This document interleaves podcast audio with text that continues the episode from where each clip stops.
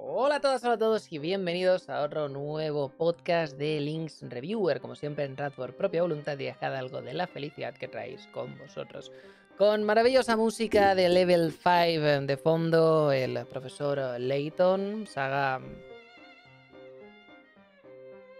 que me saca un poco de quicio, pero es de level 5, así que me gusta mucho la música y el estilo artístico, a pesar de que me encantaría que volviesen a hacer maravillosos RPGs como Dark Cloud 1, 2 o Rogue Galaxy, y no juegos de mierda de Layton o Inazuma Eleven, pero que si te gusta, maravilloso, simplemente no es mi rollo.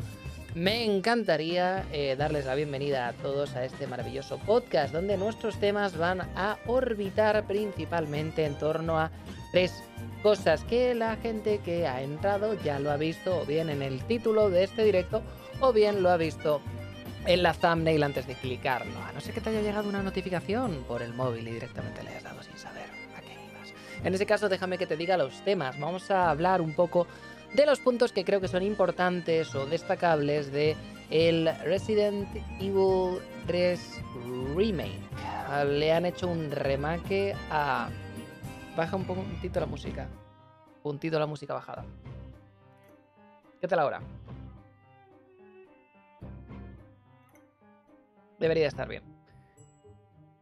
Y además de esto, em, se ha hablado de que le van a hacer un remake en el mismo engine, en el Resident Evil Engine, a el Resident Evil 4 y la gente está perdiendo un poco la cabeza. Así que hablaremos un poquito de esto, de por qué es tan importante, de qué era lo que más gustó al clásico, de qué es lo que ha heredado el nuevo y cuáles son los elementos que parece que hace que no brille con la misma fuerza con la que brillaba el anterior. Además de esto, vamos a hablar de dos series, una a modo de recomendación, contexto y sin dar demasiados detalles para que podáis disfrutarla vosotros mismos, pero que creo que ahora es relevante y os diré por qué muy rápido, como es Community, la maravillosa serie que me he visto tres veces y probablemente ahora me veo una cuarta, porque pues es como Archer, una de estas series que nunca se cansan de dar, así que lo que hay. Y luego después por último vamos a hablar de JoJo's Diamond is Unbreakable. La última vez que nos vimos hablamos de la tercera temporada de JoJo's Stardust Crusaders y esta vez vamos a hablar de la cuarta season. Estamos ya para cuando esto se haya liberado viendo la primera tanda de episodios de la quinta temporada. Todo el mundo está deseando que lleguen los Twinks gays, pero hasta que ese momento ocurra, lo único que podemos hacer es hablar de la cuarta season, que se ha quedado más baja en el top de lo que pensaba que iba a ser, pero que aún con todo sigue estando bastante bien.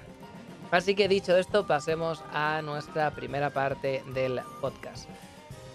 Es un poco interesante, es un poco tremendamente interesante el ver, el observar, voy a darle un poquito de volumen, es un poquito interesante, es un poquito...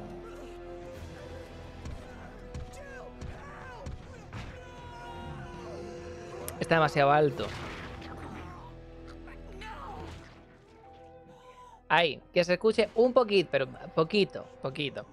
Es verdaderamente interesante el pensar todo lo que nos ha dado la saga Resident Evil, al menos en estos primeros en estas primeras eh, seasons, vamos a decir, antes de que se empezasen a hacer los primeros remakes, hay remakes en GameCube, luego después estos se pasan a Wii, tal cual, con el Resident Evil 0 o con el remake del Resident Evil original, que lo hemos podido encontrar en prácticamente todas las plataformas que luego después han ido apareciendo después. PS4, Xbox eh, X, creo que es la, nueva, no, esa es la nueva, Xbox One, perdón, eh, PC, unos shades que te cagas, 4K, una puta maravilla. Los hemos jugado todos en el, segundo canal. Hemos jugado Resident Evil, el remake del primero, hemos jugado el remake del segundo, hemos jugado al segundo también. Hemos jugado em, el remake del tercero, hemos jugado Code Verónica, hemos jugado el 4, hemos jugado el 5 y nos faltaría el 6, nos faltaría el 7, nos faltaría el Revelations 1 y 2 y nos faltaría ya si queremos meternos en cosas más extrañas como Resident Evil The Dame o Resident Evil Survivor o Resident Evil... Em, Outbreak, que también era bastante interesante. Estos juegos originales, antes de que empezásemos a hacer cosas extrañas, son un poco lo que han marcado más, los que más han influido en lo que para muchos de nosotros era la saga, eh, uno de los eh, nacimientos de la saga Survival Horror. No sé vosotros, no sé cuántos de vosotros podéis poner más unos en el chat habéis jugado a estos títulos cuando erais pequeñitos, también me vale el, Outbreak, también me vale un poco cualquier Resident Evil, y habéis tenido pesadillas de pequeño, pero os habéis levantado a lo mejor el sábado después de haber tenido pesadillas el viernes y no habéis podido evitar seguir jugando. En mi caso me pasó con el 2. Me pasó con el 2 porque es un videojuego con una atmósfera muy, muy, muy, muy intensa y los putos leakers tienen una de las mejores introducciones de monstruos a la saga que existen. Es impresionante. Me encanta que jugasen un poco con ese. Con, el remake, que jugasen un poco con las expectativas y aún con todo consiguieran hacerlos tremendamente aterradores. Aquí estamos viendo lo que para muchos significó ese punto de inflexión de decir estoy cagadísimo, no puedo con mi vida, que es el buen Resident Evil Nemesis. No es la primera vez que vemos un, un concepto utilizado así, rollo un monstruo inmortal que te persigue, y no es la primera vez que lo vemos dentro de la saga, dentro del Resident Evil 2 Leon en su campaña tenía en unas cuantas ocasiones al hijo de puta de Mr. X eh, persiguiéndote, que no era otra cosa que un Tyrant con pues, un traje tipeando el Fedora a la gente. Este concepto se cogió y se jugó con él de pues, eh, una forma bastante interesante. En esta época en la que con pues, en apenas un año de desarrollo, nos daban versiones más interesantes o versiones más exclusivas o versiones más extrañas, más experimentales de los juegos que ya habíamos jugado previamente, cambiando unas cosas, pero reciclando bastante de lo que estaba ya hecho. Los más famosos que podemos hablar de esto serían Resident Evil 3, reciclando muchísimo de lo que hizo en su día Resident Evil 2, y además de esto, eh, Mayoras Mask, reciclando muchísimos modelos y muchísimas cosas de lo que vendría siendo Ocarina of Time. Esto, a medida que va avanzando, nos permite el encontrarnos eh, más familiares, vamos a decir, en un torno más familiar cuando mm, pues estamos simplemente cada uno a lo suyo en su puñetera casa o un juego nuevo que será esto, lo meto, ah, lo reconozco, es la comisaría, ah, lo reconozco, es la tienda de armas, ah, lo reconozco, es el laboratorio de Umbrella. Algo que volveremos a experimentar cuando lleguemos, por ejemplo, al Outbreak, en el que pues también son Resident Evil 1 y 2, el Outbreak primera y segunda parte, que también vuelven a usar, pero en este caso más como intentando dar homenaje a algunas de las zonas más épicas de la saga. Este juego en específico me han dicho cuando me he metido con él, y me he metido mucho con él, porque no es un juego que considere demasiado bueno, ahora hablaremos de eso. Entiendo por qué he respetado, entiendo por qué es respetado. Y ahora hablaremos un poco de todas las cosas que lo hacen bueno y por qué la gente se ha cabreado de que estas cosas no estén en su, en su remake. Como sí que es cierto que el remake del 2 consiguió conseguir hacer brillar todos los puntos en el que el juego original brillaba y hacerlos incluso más potentes. Cosa que, ya os aviso, el remake no ha conseguido. Pero bueno, aun con todo, este juego nunca me pareció demasiado, demasiado interesante. Es un juego muy corto, de los Resident Evil, al menos de estos originales y los que vinieron después, más cortos. Es un juego que está más enfocado a la acción, así que no te esperes rollo ese contar balas mientras estás en la mansión Spencer intentando pues, eh, arreglar uno de los montacargas que te va a conectar un pasillo con la cocina para ir, para tal. No vas a tener ese tipo de experiencia aquí no tiene esa historia, vamos a decir, interesante de la segunda parte o cómo se cruzan los caminos. Y no vas a tener rejugabilidad como en el primero que podías jugar con Chris o con Jill, o en el segundo que podías jugar con Leon o con Claire. Y volver a revisar prácticamente los mismos escenarios, pero con partes que solamente podían jugar uno y solamente podía jugar el otro no es algo que te vayas a encontrar en, este, en esta entrega. En esta entrega te vas a encontrar una historia lineal de una Jill Valentine que está intentando escapar de Raccoon City antes de que ocurran los hechos de eh, Resident Evil 2. Y este señor el buen Nemesos está bastante tenso porque pues quiere matar a los Stars. Parece como que los huele. Así que se acerca a Jill y dice ¡Stars! Y básicamente pues necesitamos escapar de él. Hay algunos escenarios donde tienes que enfrentarte a él de forma directa o puedes evitarle. Siempre que te enfrentas a él de forma directa, como hemos visto en el gameplay, te deja unos maletines con algo de munición, con unas curaciones, con mejoras de arma o cosillas de estas. Y luego, en el momento en el que pues, em, te da esas decisiones para si quieres te quedas y luchas, si quieres huyes, si quieres tal, algunas de ellas influyen en el final que vas a conseguir.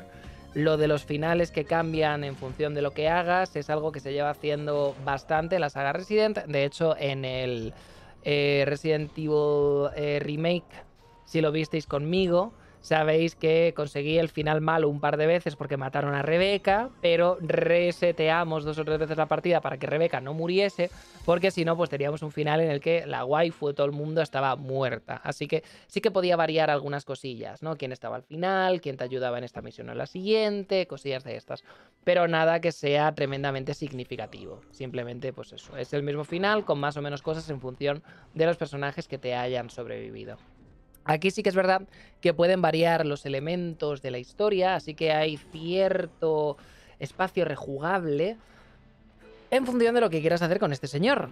Y el tener una. El tener a un jefe, vamos a decir, dentro de lo que vendría siendo la saga Resident, que no sea una esponja de balas al final, o una planta carnívora, o algo así, el tener a alguien que se mueve rápido, que tienes que saber esquivar, que tienes que saber cómo luchar contra él, esta clase de historias, fueron los elementos que hicieron que este videojuego fuese prácticamente pues un favorito de la saga. Además de esto, había mecánicas muy interesantes, como conseguir pólvoras y con un objeto que tenían como casquillos de bala, hacer tu propia munición en función de cómo combinases unas pólvoras u otras. Además de esto, tenemos las mejoras de arma, que insisto, ya estaban en el Resident Evil 2. Leon, por ejemplo, mejora su escopeta, mejora su pistola cuando se encuentra piezas y las va, y las va enganchando. Pero aquí se consiguen antes, se consiguen más y pues eh, sigue cogiendo esos elementos, como estamos viendo aquí, que van mejorando un poco la experiencia o al menos haciéndola más interesante versus el nacimiento de las mecánicas o las mecánicas en beta, como me gusta decir a mí, de su segunda entrega. El problema de esto es que es un juego que se nota que tiene poco tiempo para desarrollarse. Es muy corto, en lugar de ofrecerte dos campañas, te deja que utilices a sus dos personajes, en este caso Jill y en este caso el Maromo Latino, que bueno, ha cambiado muchísimo, ha cambiado muchísimo, Carlos, de este, de este juego al otro. Pero bueno, el maromo latino, ya sea, ya sea aquí o ya sea en el remake, eh, y pues eh, tener un pequeño espacio con ellos. Insisto, algo que hizo su segunda entrega e hizo bastante mejor. Pudiendo jugar con Leon, pero teniendo también un espacio para jugar con Ada, o pudiendo jugar con Claire, pero teniendo un espacio también para jugar con Ashley. No, Ashley no. Ah,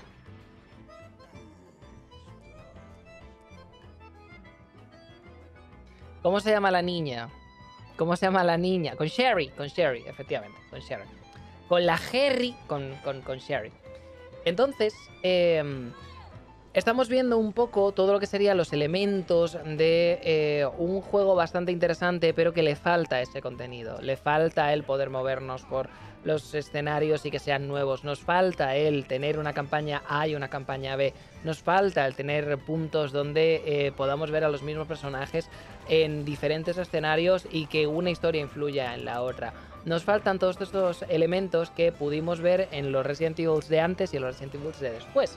La forma de justificar esta falta de contenido eh, fue la maravillosísima idea de utilizar eh, un poco un sistema de tiempo, algunas armas específicas y estos escenarios para darnos una de las cosas más divertidas que nos ha dado la saga, que en este caso sería el modo mercenarios. Ese poder coger a diferentes personajes que no serían controlables de no ser por eso, como por ejemplo Krauser en el Resident Evil 4, en el que puedes eh, jugar con un villano, literalmente, con su arma característica, y directamente pues disfrutar de matar zombies en un tiempo específico, un poco una experiencia muy arcade, vamos a decir. Algo que pues está bien, a mí me gusta, pero no me gusta tanto como la experiencia que nos ofertaron cosas antes y después. Luego después ocurre que em, llega el Code Verónica, el Verónica X, en función de, de, cómo lo comprases, si es en la Dreamcast, en la GameCube, en la PS2 o tal, tenía un nombre u otro. En este juego ocurría exactamente lo mismo. En algunos puntos llevabas al niño que llora, en algunos puntos llevabas a Krish y en algunos puntos llevabas a Claire. Pero tristemente no tenemos esa campaña A y campaña B. Pero viendo el. Viendo el curioso gameplay que nos da el Code Verónica, casi que lo prefiero, porque no es un juego que esté a la altura de los anteriores, vamos a decir. Pero bueno, indistintamente de una cosa o de otra, tenemos un título que eh, gustó muchísimo a la gente por ese miedo que tenía, esa presión que tenía cada vez que este hijo de puta, el buen Nemesos, aparecía en pantalla, que no paraba de perseguirte y de verdad se notaba como esa fuerza de la naturaleza de la que no puedes escapar. Me gustó mucho también que este juego fuese uno como, eh, como el Super Mario 64. Estos juegos típicos que no sé muy bien por qué, empujaron a muchísima gente al speedrun. Les metieron en esta comunidad de speedrun en el sentido de el juego te daba trajes, te daba armas, te daba trucos y te daba cosas y conseguías pasarte el juego sin guardar y pasártelo muy rápido.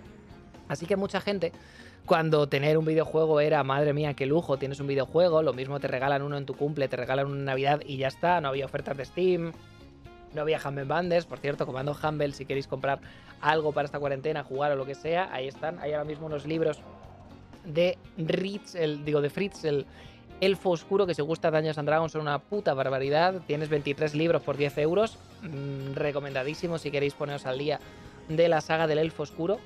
Por ejemplo, simplemente lo dejo caer ahí.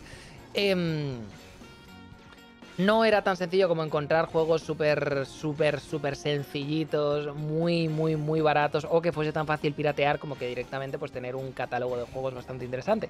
A pesar de que había gente, cuando yo era joven, que tenía PSX eh, piratas y no solamente tenían formas de jugar a un catálogo de juegos increíbles, sino que tenían formas de poner trucos en esos catálogos increíbles. Esos son los llamados dioses que en el momento en el que salió la PS2 perdieron bastante de su estatus un poco los, los, juegos del recreo. ¿Quién no recuerda eso? ¿Quién no recuerda estar en el recreo, quitarse la sudadera o la chaqueta, enrollarla y hacer una guerra dándote de hostias con tus compañeros con estas, con, con, estas sudaderas enrolladas? ¿Quién no recuerda hacer clubes súper exclusivos y pinchar a unos amigos o a otros? En plan, puedo ser de tu club, puedo ser de tu club, solamente te dejo entrar en mi club si tú me dejas entrar en tu club para luego después no hacer nada. ¿Quién no recuerda este intercambio de juegos de extraperlos sin que se entere mi madre porque cuestan mucho dinero, así que vamos a cambiar uno por otro? ¿Quién no recuerda todas estas cosas? Antes de los internetes, antes de que la gente pudiese literalmente ir con una consola como la PSP o con algo en plan eh, un móvil para jugar al Fortnite con un plan de datos que le paga a su padre, ¿no? Los momentos en los que no había ah, trastos eh, para poder jugar y los que eran eran tremendamente ortopédicos, pues la, generación de los que estamos ya rozando los 30 años teníamos que, teníamos que vivir con esto. Teníamos que vivir con esto. Los que están por encima de los 30 años tienen otra cosa más interesante, que es quedamos el sábado a las 5 y el sábado a las 5 tenías que rezar porque tu amigo apareciese. Eso también es muy bonito, sabiendo que no tenías el código de llamadas perdidas y tal. Pero no estamos hablando de eso. La cosa es que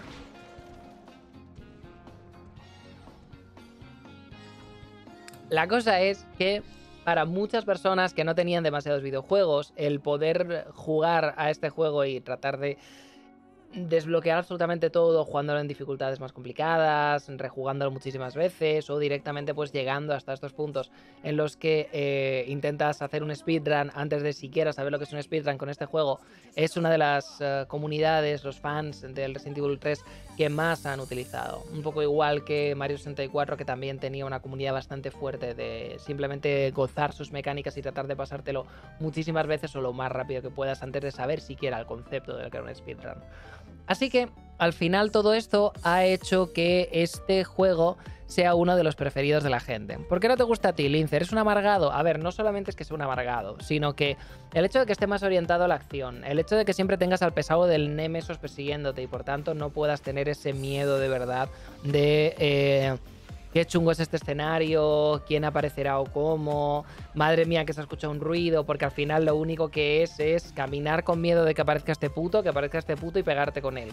Y luego después unos puzzles que estimaba demasiado ortopédicos, como poner las horas del reloj en la torre del reloj para que te salga una joyita, no sé qué. Las tres joyitas que se ponen en eh, la puerta que tiene que abrirse para que después de engancharlo el torno gire y tal la batería que tienes que ponerle una estatua para que después de rellenar una batería de coche engancharse a la parte de atrás de una estatua, un señor que tiene un objeto aquí haga y lo baje para que lo puedas coger cuando podías perfectamente, no sé, treparte a esa mierda y agarrarlo, ¿no? Esa clase de cosas al final hacían que no pudiese, o sea que literalmente no pudiese con este juego. Eh, Resident Evil no es una saga que haya hecho demasiadas veces esto. De hecho, desde su entrega original tenemos puzzles un poco estúpidos, como lo de la sala de la sala museo de la mansión Spencer, que no tienen demasiado sentido, pero pues aún con todo mm, estaban mezclados de forma un poco más orgánica con el mundo que nos tocaba que esto. Así que viendo que una de las cosas más importantes o que más eh, gustaba a la gente era precisamente el Nemesis este, me temo que me caí muy fuerte de este tren específico y me monté en el de los dinosaurios.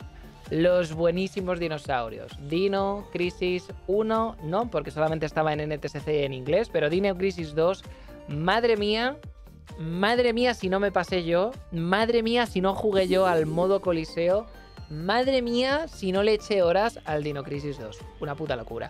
Pero bueno, no tenemos un remake del Dino Crisis 2, tenemos un remake de el Resident Evil Res. Tenemos aquí un capítulo de mi serie, me perdonarán el plug publicitario. ¡Oh, directo dentro de directo! ¡Qué meta! Bueno, ¿qué le vamos a hacer? Em, aquí tenemos a lo que vendría siendo el remake de este juego. Esto está hecho con un engine bastante, bastante chulo, eh, en el que pues, um, con unos gráficos muy, muy, muy, muy filedignos y una ambientación prácticamente inmejorable, estamos volviendo otra vez a encontrarnos con ese punto específico de la saga que sabía mezclar muy bien la acción y el terror y están, están consiguiendo otra vez que tengamos ese miedo, que los zombies sean complicados y tengas que pensar muy bien cómo quieres tratar a uno u otro, que se puedan hacer más fuertes, que cuando lleguen puedan caerse los pedazos, pero aunque con todo sigan siendo peligrosos. Todo esto consiguieron hacer una experiencia en el remake del segundo Resident Evil que no solamente era larga, sino que además sabía jugar con dos de las mejores virtudes que tenía ese juego originalmente. El primero de ellos es el conseguir que el jugador un poco a lo Dark Souls se hiciera con toda la arquitectura de la comisaría sin necesidad de abrir el mapa, simplemente rodeando y explorando esta mansión Spencer de edificio gubernamental, pero que sobre plano de juego era un poco igual, otra mansión Spencer. Y además de esto, él luego después orientarlo un poco más a la acción cuando llegaba al final, cuando el personaje ya tenía armas bastante más interesantes. Siendo estas las armas mejoradas de Leon Kennedy o siendo estas las armas con porcentaje que nos encontrábamos con la maravillosísima, maravillosísima Claire Redfield como ese Taser, que eran las armas con porcentual que ibas, um, ibas utilizando para reventar a la gente. Además de esto, había una forma de jugar bastante, bastante accesible, que era Claire 1, Leon 2, bueno, a, cara A, cara B diría, o Leon 1 Claire 2. Y si conseguías hacerlo así, tenías incluso cuatro versiones bastante diferentes de lo que eran los mismos escenarios. Estas cuatro versiones diferentes de lo que eran los mismos escenarios estaba bien porque pues, nos dejaba experimentar esta historia desde muchos ángulos y construía muy bien la historia todo lo que había pasado, viendo un poco lo que tenían los dos personajes para aportar. Y eso estaba muy, muy, muy chachi. Al llegar al final podías enfrentarte a los enemigos de forma un poco más directa. Claire tenía a el padre de Sherry, spoiler alert, lo siento, lo he dicho sin pensar, pero sí, uno de los bichos es, eh, uno de los malos malosos es el padre de la niña que aparece. Eh, te enteras a las dos horas de juego, siento si, si, si pues la gente no sabía, pero bueno, no es un spoiler demasiado grave. Y mm, luego después, a medida que eh, ibas avanzando con Leon, te encontrabas a Mr. X. Mr. X era ese señor con el Fedora que liaba parda, liaba parda lo que liaba parda. En el momento en el que cambiamos de tercio y empezamos a verlo desde el remake, consigue hacer de putísima madre el conseguir que esta comisaría sea terriblemente familiar, pero aún con todo lo suficientemente diferente como para darle al jugador que ya ha quemado muchísimo el juego original cosas nuevas a las que mirar. Además de esto, coge el concepto de Mr. X y lo convierte en Nemesis, pero tenemos muchísimo más espacio, tenemos muchísimas más formas de enfrentarnos a él y sobre todo da bastante más miedo porque hace putas trampas. No es como en el original, en el Resident Evil original, en el que está scripteado para que aparezca en un sitio y solamente en un sitio, y cuando aparece en un sitio, pues ya sabes un poco cómo va a actuar, qué es lo que va a hacer, a dónde va a tirar. No, este señor era aleatorio. En función de dónde estabas, eh, popeaba a estos señores en un sitio o en otro y empezaban a stalkearte muy fuerte. Cosa que jodía, porque pues por un lado es como que cabrón el juego está haciendo trampas, pero por otro lado... Em, dolía bastante cuando aparecía y tenías pocas balas, alguna cosilla de estas. Así que consiguió coger todo lo bueno de lo que tenía el original y construir un remake muy largo, muy interesante, que volvía a dar seriedad y a construir a los personajes que todos amábamos y queríamos, y terminaba por todo lo alto. Y después dijeron, vamos a hacer lo mismo con el 3. Y la gente perdió la cabeza. Que vamos a poder luchar contra Nemesis. Que vamos a poder volver otra vez al 3. Que vamos a poder, Dios mío, madre mía. Le flotaba la cabeza a la gente. Y cuando llegó esto, las semanas de antes, los, de, los devs habían dicho que Nemesis podía entrar en las salas de. en las salas seguras, todo el mundo estaba perdiendo la cabeza, madre de idiota. Y cuando llegó esto, pues.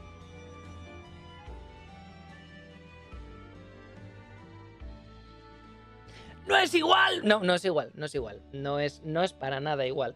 Por eso, quizá a pesar de que a la comunidad, a mucho, mucho un porcentaje bastante alto de la comunidad eh, no le ha gustado este remake precisamente por eso, porque tiene demasiado poco del juego original dentro. A mí me ha gustado más este remake que el original, porque le falta mucha mierda que en el original odiaba y que en este pues tenemos aquí puesta. Y eso a mí me hace bastante ilusión. Para empezar, Nemesos deja de popear para dar por culo. Está scripteado en algunas zonas, cuando aparece puedes enfrentarte a él, puedes acabar con él y te sigue dando las cajas de munición, cosa que está bastante bien. Y está scripteado en momentos como este, por ejemplo, el haber puesto este de fondo no es baladí, ahora hablaremos un poco de eso. Pero, a pesar de que aparezca en algunos puntos, son muy, muy, muy, muy pequeños y en el único momento en el que el cabrón, ahí le vemos en pantalla, aparece de forma un poco aleatoria y te da por culo es en la primera hora de juego, que no es demasiado. Es un juego de 5 horas, así que pues tampoco le puedes pedir mucho más, pero no es demasiado. Además de esto, eh, han quitado una de las escenas de Claire, digo de Claire, de, de Carlos, y la gente está bastante salty con eso también. Este capítulo vamos a ver cómo Jill se pega con una forma de Nemesos delante de la torre del reloj. ¿Por qué es importante? Bien, la torre del reloj era un sitio donde no solo tenías un enfrentamiento con Nemesis, sino que además de esto había puzzles, había armas nuevas, había cosas interesantes, había un lore, te enterabas de Umbrella, te enterabas de por qué Umbrella había pagado para que esta torre estuviese, etc, etc, etc. Eh, aquí, como hemos podido ver, cuando Jill sale y mira a su alrededor, ve el río y al otro lado del río ve la torre del reloj. Ahora vamos a luchar en la plaza de la torre del reloj. Pero no entramos. No entramos en la torre del reloj. Es una parte de juego que han cortado completamente. Eh, mm, el, laboratorio del final, chungo, oxidado y tal, ha desaparecido. Ahora tenemos un laboratorio diferente con muchísimas cosas ah, maravillosísimas, super tecno, que pues bueno, ahí están. La batalla final contra Nemesos ha cambiado también de forma bastante, bastante interesante. Me gusta mucho más, me gusta mucho, mucho, mucho, muchísimo más la batalla que han puesto en este mm, remake que la del original, también os lo digo. La gente le, le, le mola mucho esa frase de You want stars, I'll give you stars, ¿no? Que dice, que dice la Gil cuando, cuando se enfrenta a Nemesis por última vez con la Magnum en la mano, empoderada a muerte. Pero a mí me gusta, me gusta más el rollito. Me gusta mucho más el rollito que le han dado a esta. Es una flipada que alucinas. Devil May Cry a tope. Se nota que Capcom tiene la cabeza donde tiene la cabeza. Pero aún con todo, pues, pues, eh, pues ahí estamos. Dices que la frase se la pudieron dejar. La frase, de hecho, se la dejan. Lo único que la dice al principio del juego en lugar de decirla al final. Sí que es verdad que al final hay un momento en el que, pues, e, esa última frase que dice, que en este. Que en este juego es una de a ver si pillas la indirecta y, ejecuta. ¡Oh, spoiler! Jill se carga a Nemes. O sí. Eh, oh, oh, te reventé el juego. Mm, ¿Qué le vamos a hacer, no? Eh, Sí que es verdad que a ver si pillas la indirecta. Eh, te juro que esta es la última vez y después de te juro que esta es la última vez, a ver si pillas la puta indirecta. Es una frase también poderosa, pero supongo que por, por, por respeto al original se podía haber dejado algo así. No lo sé. En Nemesis tiene de todas formas muchos encuentros como este, que es una batalla literalmente con él, y además de ello tiene unos puntos bastante interesantes, porque son formas que no tienen que ver con el Némesis que teníamos antes. El Némesis que teníamos antes era Némesis cabreado, Némesis cabreado con lanzacohetes, Némesis cabreado con tentáculos saliendo de su cuerpo, muy chungo a lo... a lo mm,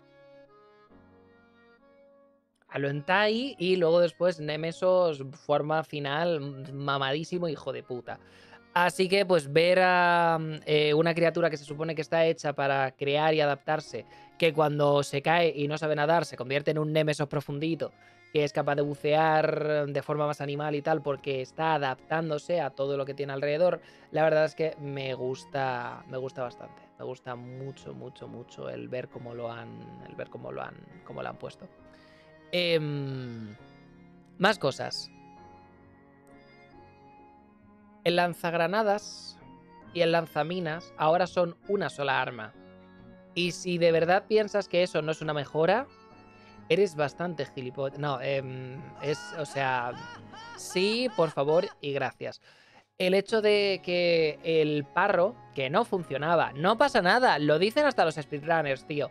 No hace falta defender lo indefendible. Si lo dice un speedrunner, va a misa. Argumento de autoridad definitivo. Esas personas viven solo por y para minmaxear el juego específico.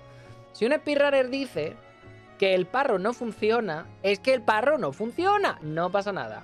Que en este juego el parro funcione, y no solamente funciona, sino que es de las mejores experiencias que tenemos en cualquier sentido de poder hacer el giro rápido, poder hacer un empujón, pero en este caso el pegar tremendo putazo latino con Carlos o directamente eh, los, los el, girarse con, con Jill antes de que le vengan las hostias para luego después tener un poquito de bullet time, a mí, a mí me mola bastante. A mí me mola muchísimo. Este momento de justo girarte y aprovechar para tener un bullet time y apuntar a la cabeza del enemigo, creo que pega muy bien con este, esta orientación a un juego bastante más a la acción, bastante más a tirar hacia adelante, pegar muchos tiros y preguntar después. Y eso está bastante interesante. Y además de esto, supongo que podríamos decir que hemos vuelto otra vez a encontrarnos con estos modos difíciles ortopédicos que te cagas de Resident Evil que vuelven cuando te encuentras a... Joder, mamá mía, tardo, tardo en aprender lo de las minas aquí, ¿eh? También es verdad que no tenía minas, pero bueno, ¿qué le vamos a hacer? Para que no lo sepa, aquí tienes que coger minas y plantarlas en la pared cuando Nemesis está corriendo para que, para que se caiga al suelo. Y me está costando bastante trabajo en el gameplay el darme cuenta de que hay minas en algún punto del mapa y tengo que ir y cogerlas. En esta maravillosa arena circular donde te pegas con esta, con esta gigantesca criatura. Mira, mira, están ahí, están ahí. Están ahí, links del pasado, cógelas. ¡Wow! Ya las tiene. Ya las tiene. Se viene. A por, a por todas, del pasado. Yo confío en ti. Entonces, la historia de esto es que el volver otra vez a ver estos elementos eh, ver otra vez estos elementos que ya hemos visto antes. El opening del juego, que es puto increíble, pero puto increíble. Me flipa lo que han hecho con el opening de este juego en específico. Y el volver otra vez a ofertar ese me paso el juego más veces y puedo empezar a, entre otras cosas, eh, entender un poco mejor cómo funciona la mecánica de subirte la defensa o subirte el ataque con unas monedas que puedes pagar y desbloquear con dinero que te dan cuando te pasas el juego, el conseguir nuevos trajes, el conseguir trajes clásicos, el... Esta clase de historias está bastante bien pues para que si quieres darle fuerte al juego este, quieres ser el maestro de los parros y quieres simplemente pues una experiencia de unas 5 horas cuando lo juegas por primera vez, llevarlo hasta una hora, una hora y media, dos horas, se puede hacer sin ningún tipo de problemas y siempre vas a tener algo que desbloquear después de hacerlo. Así que ese mercado de compra-venta también pues es interesante cuando quieres alargar la vida de un videojuego aunque sea como este. Lo importante aquí, mira, les ha rendido. Pobre Linksu, se ha rendido. Claro, a ver, ha dicho, joder, era con las minas, tío. No sabía que había minas. Y ahora, claro, pues se ha rendido y ha reseteado. Yo, tal, yo también lo haría, Lince, yo también lo haría. Como que soy yo, pero una semana en el futuro, ah, como para no hacerlo. Venga, dale fuerte. Entonces, aquí llega el momento de pensar, ¿esta experiencia es buena o es mala? ¿Esta experiencia merece la pena o no merece la pena? ¿Esta experiencia es respetuosa o no respetuosa? ¿Esta experiencia merece el rejugarla todo lo que quiere que la rejuegues o no merece el rejugarla todo lo que quiere que la rejuegues?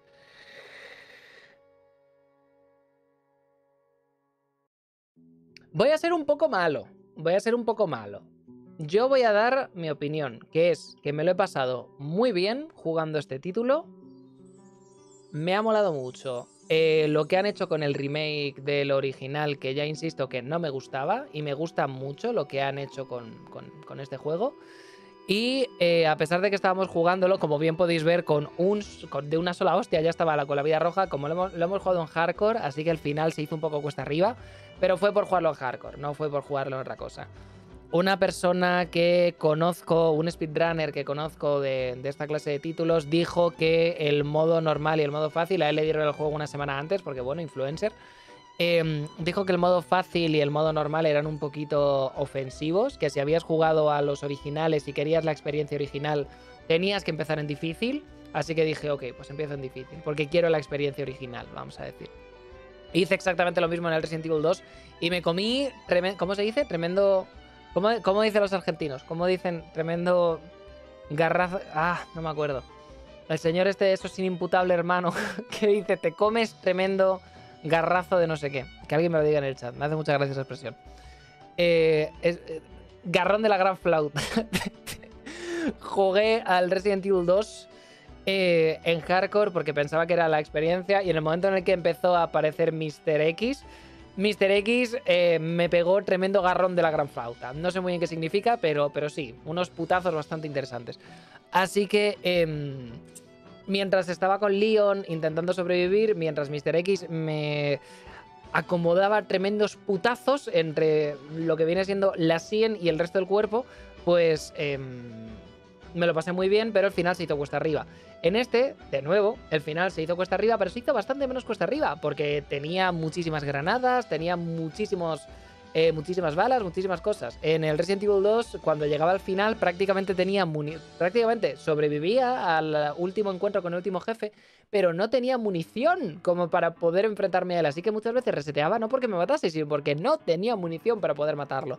En este no es un problema. Siempre hay munición, siempre hay granadas, siempre hay formas de terminar con lo que tengas que terminar. Eh, cosa que está bastante bien. Me ha gustado, es una experiencia corta. No me gustan las experiencias largas, sobre todo cuando hay que hacer directos y hay que engancharlo con dos RPGs como Final Fantasy de Remake y Persona 5 Royal.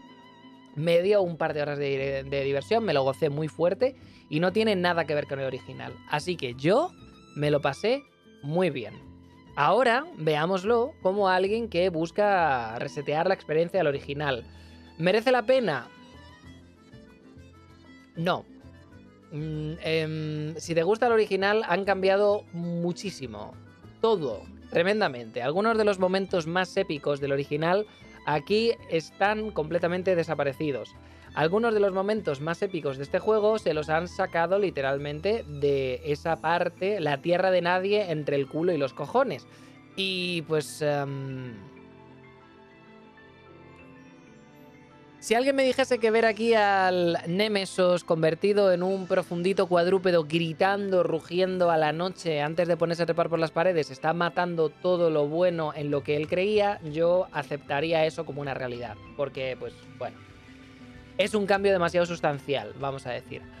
¿Ofrece mejoras jugables? Ofrece mejoras jugables. ¿Ofrece rejugabilidad? Ofrece rejugabilidad. ¿Respeta muchos tonos del original? Respeta muchos tonos de original. ¿Coge algunas cosas y las hace incluso mejores que el original? Sí. Mejora personajes, mejora diseños, la forma en la que Carlos se va dando poco a poco cuenta de que trabaja para unos hijos de la grandísima puta eh, está mucho mejor hecha aquí que en el original. El voice acting es una maravilla, o sea, esa clase. Hay, hay cosas que quiere en este juego, aunque te joda mucho el que hayan cambiado cosas. Pero tenemos un problema. Tenemos un problema. Y es que Resident Evil 2 eh, cuesta 40 euros. Y Resident Evil 3 cuesta 60. Resident Evil 2 es un juego al que puedes jugar 30 horas y dejarte cosas sin hacer. Resident Evil 3 es un juego que dura 5 horas y que lo único que te quedaría por hacer sería seguir jugando la misma cosa una y otra vez. Y Resident Evil 2 es un juego que te da un sitio específico que tienes que hacer tuyo y te va repartiendo cosas por ese sitio específico. Y a pesar de que el hospital en este juego es exactamente eso, el hospital en este juego es ese edificio que tienes que aprender a navegar, esta clase de historias, justo haces esa parte con uno de los personajes que menos Resident Evil se sienten. Porque es Carlos con una metralleta que tiene muchísima munición y que no se queda sin munición.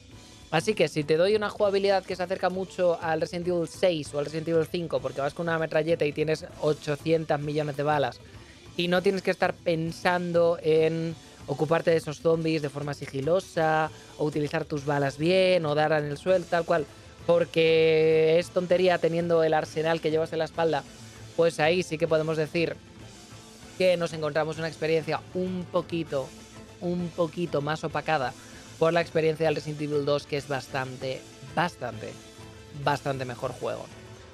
Aun con todo, alguien podría jugar la carta trampa y decir, Lince, pero si compras el Resident Evil 3 te regalan otro juego. Es cierto. Han sacado otro, otro juego online en el que vas con seis personajes diferentes y puedes jugar escenarios de el segundo, el tercer y alguno nuevo enfrentándote a monstruos o enfrentándote a cosas de estas. Está bastante bien teniendo en cuenta que se congeló la webcam. Está bastante bien teniendo en cuenta que em, pues em, tiene uno de estos controles maravillosos que no muchas veces podemos ver en los videojuegos, en los que hay una mastermind, es decir, un jugador que controla los monstruos, controla a quien quiere a quién quiere sacar, a quién quiere... Un poco gestión de recursos para joder al jugador específico. Y luego después de joder al jugador específico A o joder al jugador específico B, pues...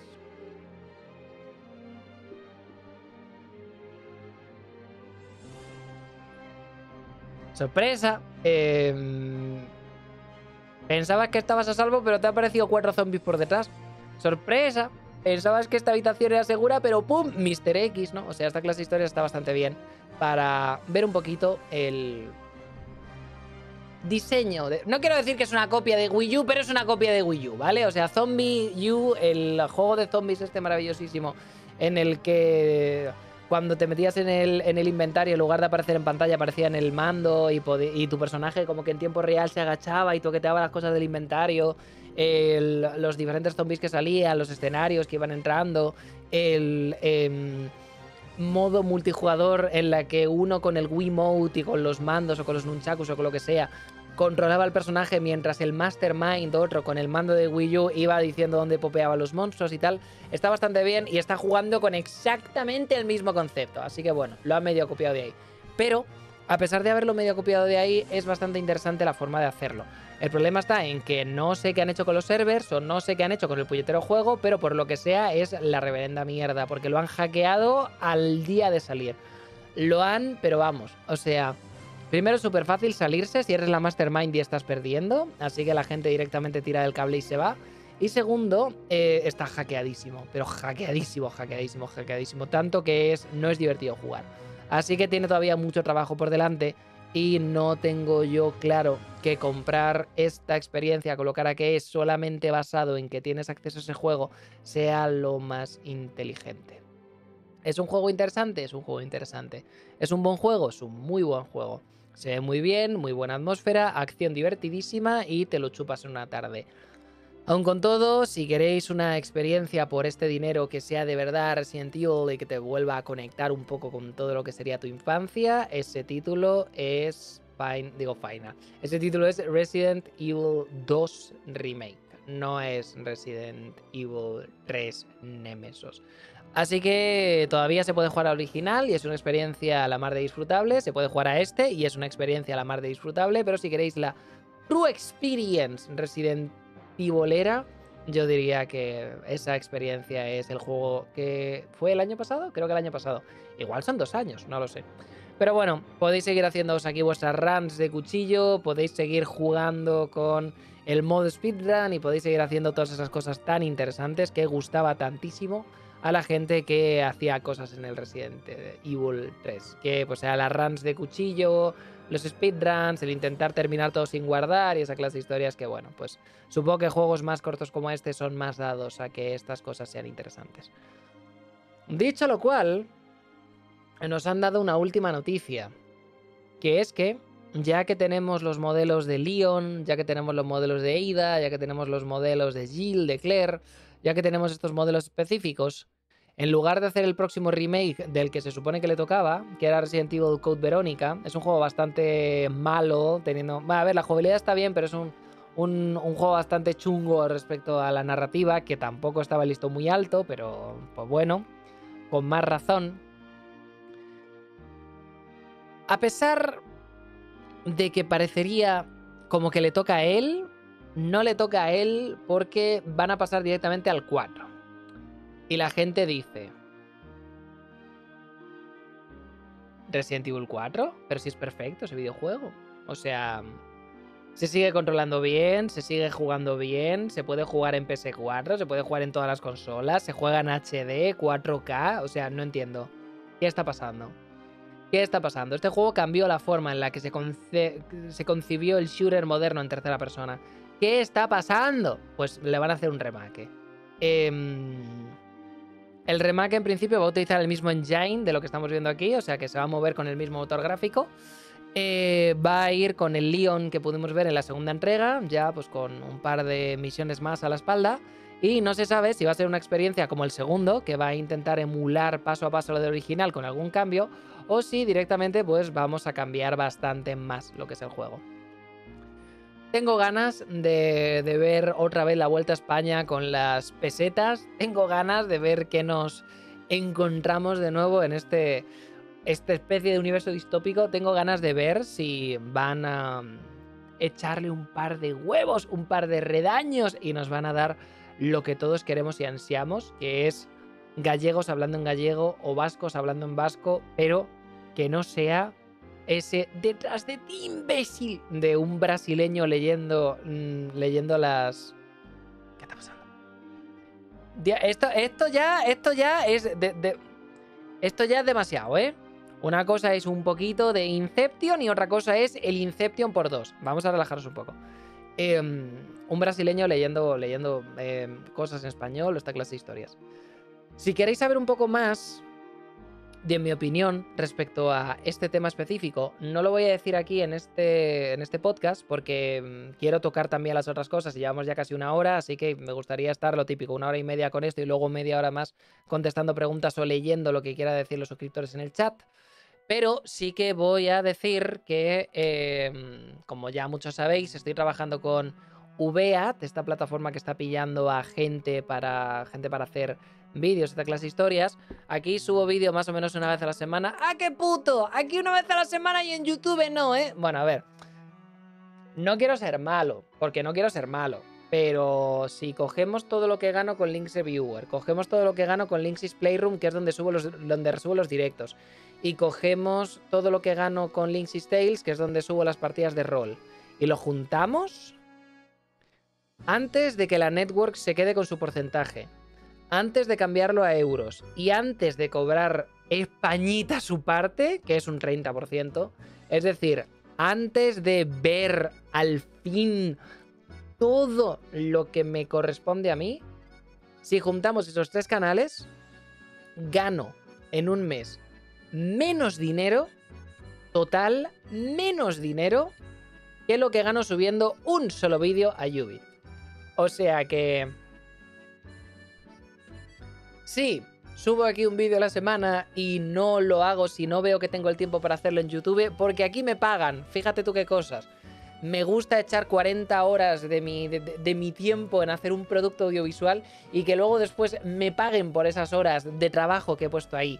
Llámame rojo, llámame anarco-sociocapitalista, pero es, lo que hay, ¿no? Es lo que, es lo que toca. Pero bueno, eh, lo dicho, que en esta, en esta plataforma no solamente tengo como chorrocientos mil vídeos subidos, así que si no sabíais que esto estaba así y queríais un poquito más del lince, pues aquí hay cosas bastante interesantes. Algunas de ellas son caducas, como hay esperanza para el saga Diablo, que es un vídeo que se hizo a raíz de juego de que salió de Diablo, así que supongo que pues no no es un poco, vamos a decir, como para seguir viéndolo ahora y tal, pero por ejemplo, eh, un análisis de los Metroidvania a través de Blasphemous, eh, por ejemplo, las claves del éxito de Age of Empires 2 como saga y como título, por ejemplo, el simple y genial diseño de Sekiro, como por ejemplo Dungeons and Dragons, juegos de rol eh, orientados a juegos de PC y viceversa, cómo se influyen los unos a los otros, y cositas como... ¿Dónde están?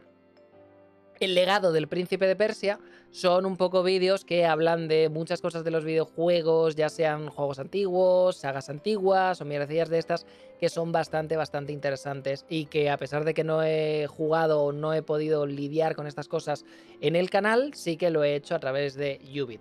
Los tres últimos vídeos, que estoy bastante contento con ellos, son los loops de jugabilidad del mundo abierto. Esto es un subsegmento de algo que quería hacer para el análisis de Assassin's Creed, pero que no podía. Ahora os pongo el link. Ahora os pongo el link en los. Ahora os pongo el link en los, en los comentarios. aquí en el esto. O sea, estará pingado en los comentarios de abajo de YouTube y ahora os lo paso por el chat, no os preocupéis los loops de jugabilidad en el mundo abierto, porque hay algunos juegos de mundo abierto que funcionan muy bien y muy mal, que es un loop de jugabilidad, cómo funciona el sistema de endorfinas que hacen que coger las putas plumas de Petrucho sea interesante para seguir jugando un poco más, un poco más, un poco más, un poco más y tal. Era algo que iba a hablar de ello en un Assassin's Creed, pero el vídeo ya duraba 40 minutos, así que lo tuve que quitar y lo he convertido en un vídeo de Ubit que podéis ver ahí, son 9 minutos de vídeo. El que subí ayer, que es deberían los juegos divulgar o divertir. Hablamos un poquito del Assassin's Creed Valhalla y de toda esta controversia que ha habido sobre si debería ser más o menos realista y por qué deberíamos de darle un voto de confianza a para, pues, digo Ubit, a Ubisoft para que nos eduquen con sus juegos porque han conseguido lidiar muy bien con la macarrada y el ser divulgativos. Y además de esto, es el momento de un remake del Resident Evil 4 es el momento de un remake del Resident Evil 4, es un, un tremendo, pues, pues eso, un análisis de eh, por qué puede ser interesante y por qué puede ser terrible el utilizar este, esta prerrogativa de engancharnos con eh, un juego que es perfecto, que consigue todo lo que quiere conseguir como quiere conseguirlo y volver a hacerlo en, en, Engine de lo que nos han dado las estas. Así que si queréis estos maravillosos vídeos, estos maravillosos vídeos ensayos y tal, eh, os dejaré el enlace en la descripción, ya sea momento de Resident Evil 4, ya sea luz de jugabilidad, ya sea Assassin's Creed, está todo, está todo, está, está todo ready, compas. Está, está, está todo listo, está todo listo. Dame un segundín, que no me fío de tener Twitter en la otra pestaña y que salga tremendo porno, como ha pasado otras veces. Ahí lo tenéis. Ubit TV, Search, Links Reviewer. Ahí tenéis la esta. Esto también estará en los, en los, comentarios fijados, así que lo podéis eh, hacer ahí. No hace falta que lo copiéis directamente de este chat.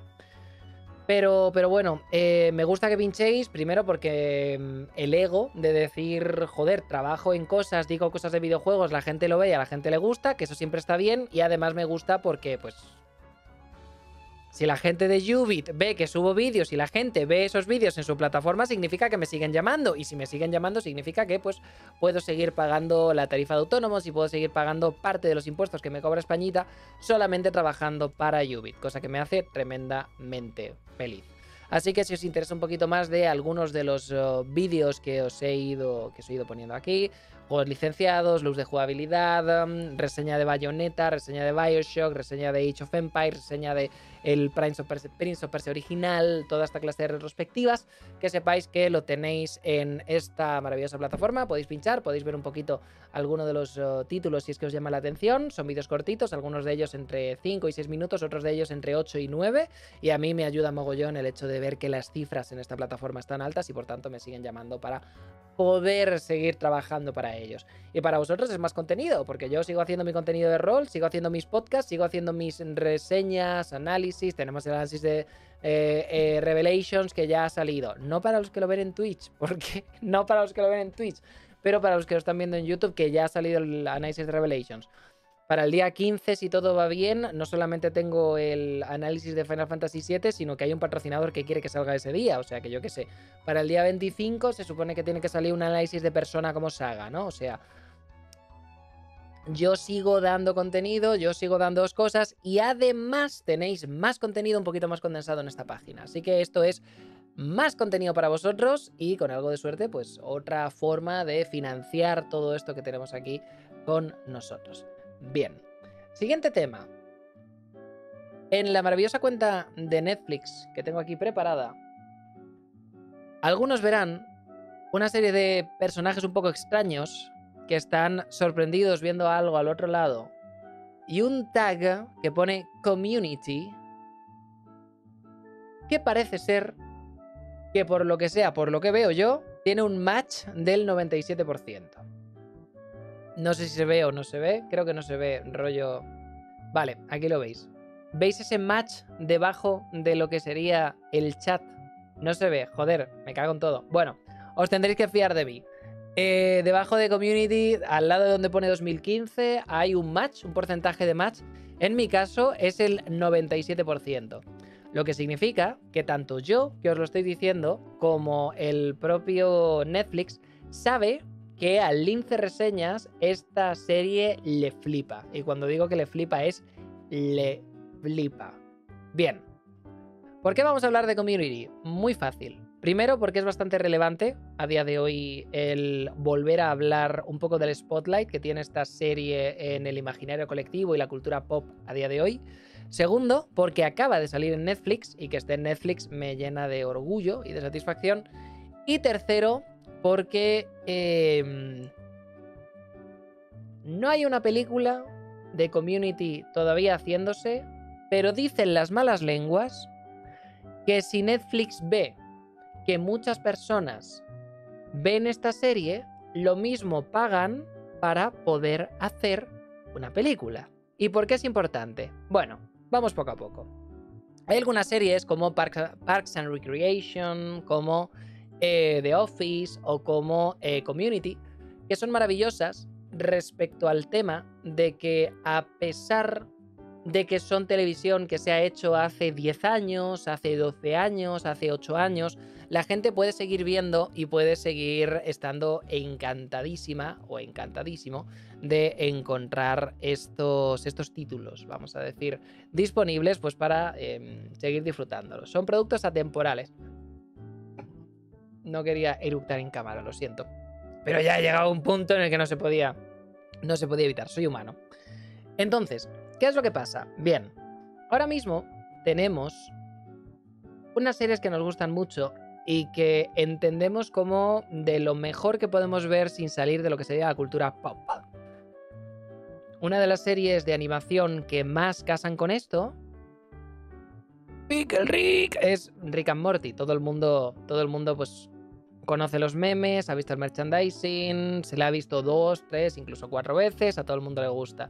No sé si vosotros lo sabéis, pero ese señor regordete con la barba canosa que podemos ver a la izquierda, que ahora saldrá un primer plano de él, eh, se llama Dan Harmon. Dan Harmon. Dan Harmon es la mente creativa que está detrás de Rick and Morty.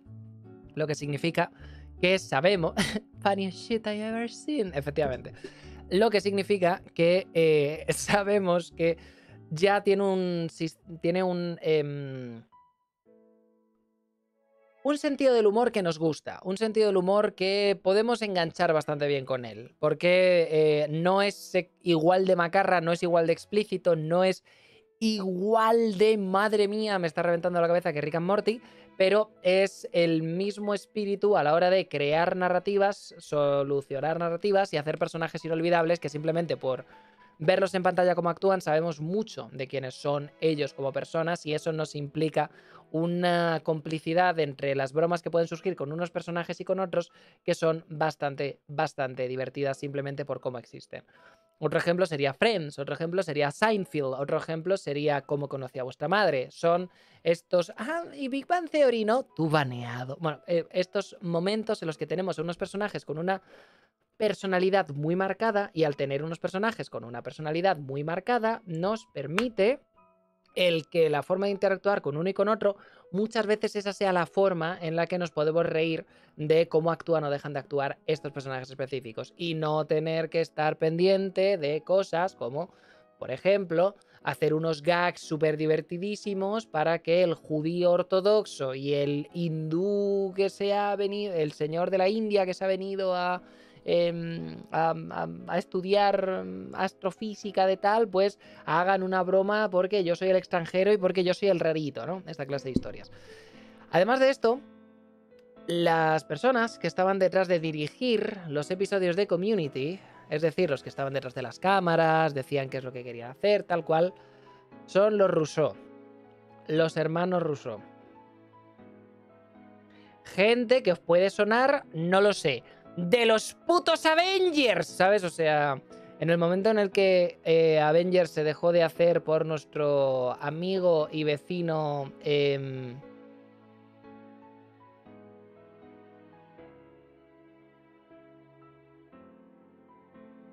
Josh Whedon, en el momento en el que Avengers se dejó de hacer por nuestro amigo y vecino Josh Whedon, empezamos a encontrarnos a, eh, pues, una necesidad de encontrarnos con muchísimos personajes y ver cómo eran capaces de interactuar, cómo podían tener química, cómo podía haber un momento para que brillasen todos y cada uno de ellos, y cómo podíamos mantener una cámara y una dirección lo suficientemente dinámica como para que la historia le pudiese seguir la pista a tantísimos personajes.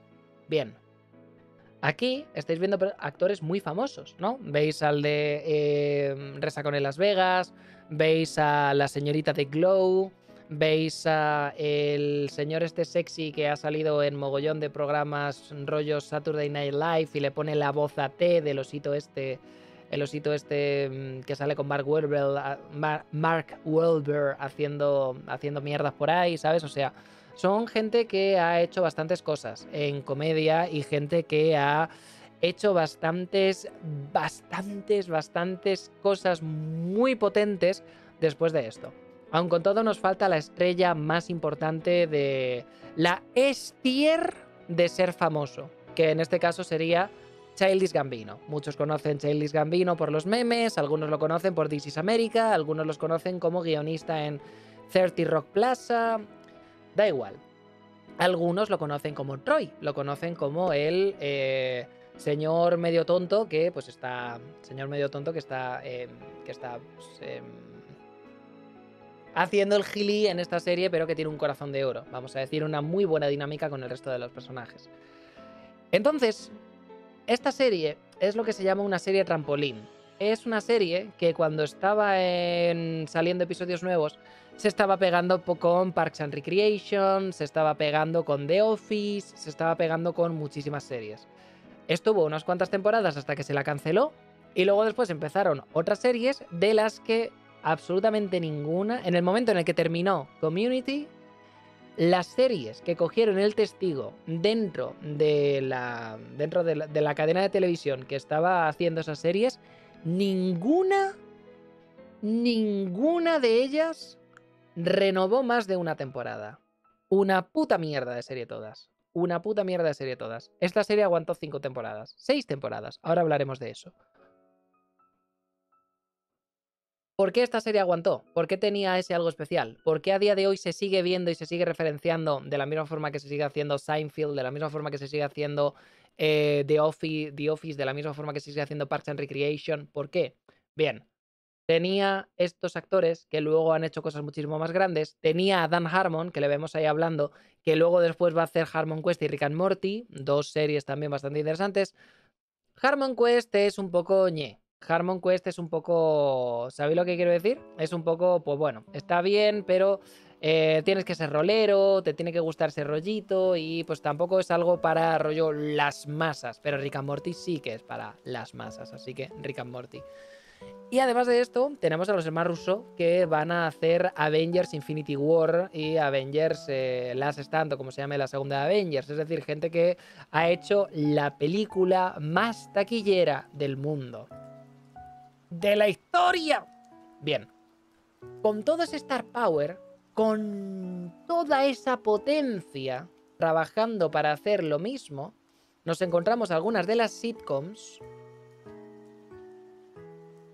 que a pesar de quedarse muy atrasadas respecto a que pues a lo mejor los personajes están con Blackberries escribiéndose, ¿sabes? A pesar de que se quedan atrasadas tecnológicamente o tal, no podemos ver que sean Em, muy contemporánea respecto a la tecnología o cosillas de estas.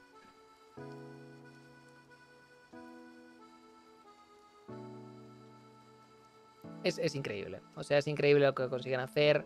Muy rollito Archer de que los personajes tienen bromas internas que no paran de arrojarse unas y otras. En lo que veáis una o dos temporadas vais a ver cómo sois de repente Em, fluent, de repente fluid, de repente eh, sois, eh, ¿cómo se llama cuando alguien es bilingüe? fluent, ¿cómo se dice fluent en español? No me acuerdo. Pero bueno, de repente vais a ver que eh, sois capaces de hablar en ese segundo idioma que son las referencias de. No, pero no es fluido, no es fluido. Hay otra, hay otra, hay otra forma de hablarlo. No me acuerdo. No es fluido, coño. Fluent, fluido, no soy gilipollas, pero hay una forma de decir soy, soy, soy proficient con este idioma. No me sale, pero bueno, no pasa nada. Nativo, no, nativo no, nativo es que es tu primer, tu primer, tu primer idioma. No me acuerdo, no me acuerdo. Pero bueno, la historia de esto es, Em, vais a ver que sois parte de unas referencias, que compartís una serie de ciclos, que compartís una serie de cosas súper, súper interesantes con el cast de esta serie. Y sobre todo, vais a ser testigos de, porque al final esto que estoy diciendo es un poco lo de todo, ¿no? Ah, bueno, si veo cómo conoce vuestra madre, también va, también va a ocurrir eso. Si veo esto, también va a ocurrir tal. Si veo esto otro, también va a ocurrir tal. Ya. Pero hay una cosa más importante dentro de, este, dentro, dentro de esta serie, que es que podéis aprender literalmente de historia de la televisión y sobre todo si vais a querer hacer algo que tenga que ver con un proceso creativo, si vais a querer hacer algo que tenga que ver con cosas que vayan empezando, luego después se tuerzan y haya que volver otra vez a encauzar como buenamente se pueda. O si directamente veis que algunas de las cosas que disfrutáis ya no son como antes y tenéis que aprender a lidiar con él ya no son como antes, esta es la serie perfecta. ¿Sabéis por qué? Bien, primera y segunda temporada de Community son temporadas que en el momento en el que salen gastaban muchísimo más dinero de lo que podían para, para, hacer el show. Grababan suficiente metraje como para hacer una puta película. Y luego después tenían que escoger gags o tenían que escoger tal o tenían que poner unas escenas, pero habiendo grabado una cosa, pero absurdísima los actores desde un primer momento tienen mucha química y empiezan ellos también a dar notas de dirección o a dar notas de lo que sus personajes harían o dejarían de hacer. Y además de esto, todo lo que se arrastra de la primera season a la segunda season empieza a crear como una especie de lore interno y a construir sobre ese lore interno.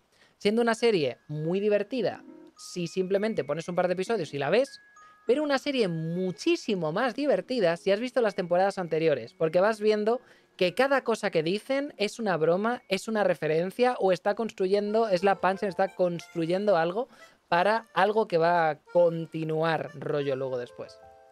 Llega la tercera temporada. Y en la tercera temporada, Dan Harmon, ese señor, el guionista y creador de Rick and Morty, se va a la mierda.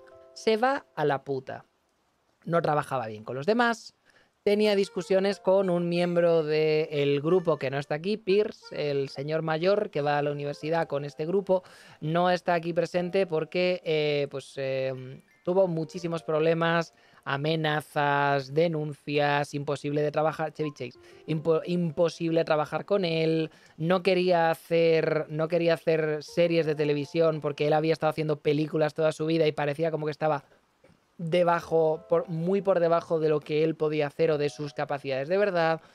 Una persona con muchísimo ego, muy gilipollas y que pensaba que se estaba rebajando, que pensaba que tenía que hacer esto simplemente para pagar facturas, pero que estaba haciendo contenido de mierda, cuando estaba haciendo de la mejor televisión que se ha hecho. Pero bueno, esto eh, daba muchísimos problemas a nuestro creador de Rick and Morty, Dan, Dan Harmon, porque él sabía que estaban haciendo unas estaban haciendo unas maravillas en televisión como nada que hubiese hecho nadie antes y puede que después y esto pues implicaba que hubiese muchísimos roces hasta el punto en el que directamente pues em, empezaron a casi llegar a las manos esas dos personas. Había muchísimos problemas se odiaban había amenazas, hay audios que ha enseñado Dan Harmon, a día de hoy dice que se arrepiente mucho, pero hay audios que ha enseñado Dan Harmon, rollo en plan de Chevy Chase diciéndole si te tuviese delante te juro que te pegaba hasta que te tragases los dientes, cosas así, o sea, horripilante. Un beef, un beef, no os hacéis una idea, deliciosísimo, de verdad deliciosísimo. Consiguieron no llegar a las manos, pero ya era un problema. Además de esto, Dan Harmon no entregaba las cosas a tiempo. Además de esto, Dan Harmon reescribía guiones y trabajaba con conceptos hasta que prácticamente eh, entregaba los episodios el día de antes de que tuviesen que salir en la tele. Además de esto, siempre gastaba más dinero del que tenía. Y además de esto, pues... Em, Dan Harmon no quiero cancelarle porque, bueno, esto sería, yo qué sé, 2012, 2013. No, sería antes. No lo sé, pero bueno. Hace ya bastante tiempo, estaba bastante menos deconstruido. A día de hoy le parece una práctica asquerosa. Se ha disculpado públicamente y ha intentado que esto no vuelva a ocurrir. Hay un documental donde habla de. donde habla largo y tendido de por qué pues estaba en la mierda en esa etapa en su vida. Pero acosó a una eh, guionista del grupo de guionistas de la serie. Esto no quiere decir que la violase, esto no quiere decir que tal. Pero sí que ejerció su poder como jefe de la mesa de guionistas. Dijo a esta señora, madre mía, qué guapa estás, cómo, cómo, cómo, me gustaría tener algo más. La otra dijo, ay, muchas gracias, no quiero. Y él se cabreó, vapuleó a esta muchacha. No, o sea, no llegó a tocar a la otra señora, no llegó a violar a la otra señora, no llegó a pero en el momento en el que él quería algo con una chica, la chica le dijo que no y él dijo, pues ya no te ajunto y soy el jefe, utilizó una estructura de poder como es la suya para hacerle la vida imposible a alguien que simplemente estaba haciendo su trabajo por no querer comerle la polla a Dan Harmon. Una cosa bastante chunga, una cosa que a día de hoy... ¡Get cancelled, son! Bueno, en fin, ¿qué le vamos a hacer? Una cosa que mm, una cosa que no es, no, no, pues es tremendamente aberrante, ha estado ocurriendo en la industria del cine y de la televisión durante muchísimo tiempo. Hace relativamente poco eh, veíamos las películas de la momia. Las películas de la momia tienen a un protagonista, Brendan Fraser. Brendan Fraser tenía, estaba mamadísimo, era súper guapo, le ponía burrísimo a todo el mundo, hizo la momia, hizo George de la jungla, hizo, o sea, estaba haciendo como un mogollón de películas y de repente dejó de hacer películas. Coño, ¿por qué dejó de hacer películas? Fácil, porque vino un señor de Hollywood, le tocó tremendamente el culo en plan abuso, en plan puto abuso. Uy, papá, que no sé qué tal. Y dijo, mira, em, soy un tiarrón de dos metros cachas. ¿Por qué me ha destrozado este señor? ¿Por qué soy incapaz de conciliar la idea de que este señor Brendan, te han violado. No es una violación de que te hayan puesto contra una valla y te hayan dado por culo, pero es normal que te haya roto por dentro, porque es abuso y pues fatal, ¿no? ¿Qué le vamos a hacer? Entonces, este señor empezó a decirle a la gente, oye, este señor ha abusado de mí, y esta persona que tenía mucho poder en Hollywood dijo, ah, que he abusado de ti, no te preocupes que no vas a volver a trabajar. Y hemos dejado de ver a Brendan Fraser durante una década. ¿Qué cosas, no? Y cuando volvió estaba gordo. ¿Qué habrá pasado? Bueno, pues ¿qué habrá pasado? Esta clase de historias, ¿no? Son cosas que son cosas que ocurren muchísimo, afortunadamente parece que van ocurriendo menos, cada vez menos y tal, pero que ocurren muchísimo en Hollywood, hay gente que tiene dinero, hay gente que tiene poder, hay gente que parece que va a matar por una oportunidad y si tenemos el cliché de eh, hay que ponerse mucho de rodillas para llegar a que te den un papel, es porque muchas veces ha sido así. En el caso de Dan Harmon no llegó a lo mismo, pero sí que se aprovechó de esa estructura de poder para pedirle o impulsar a que esa guionista hiciese más de lo que ella quisiese simplemente por ganarse su favor.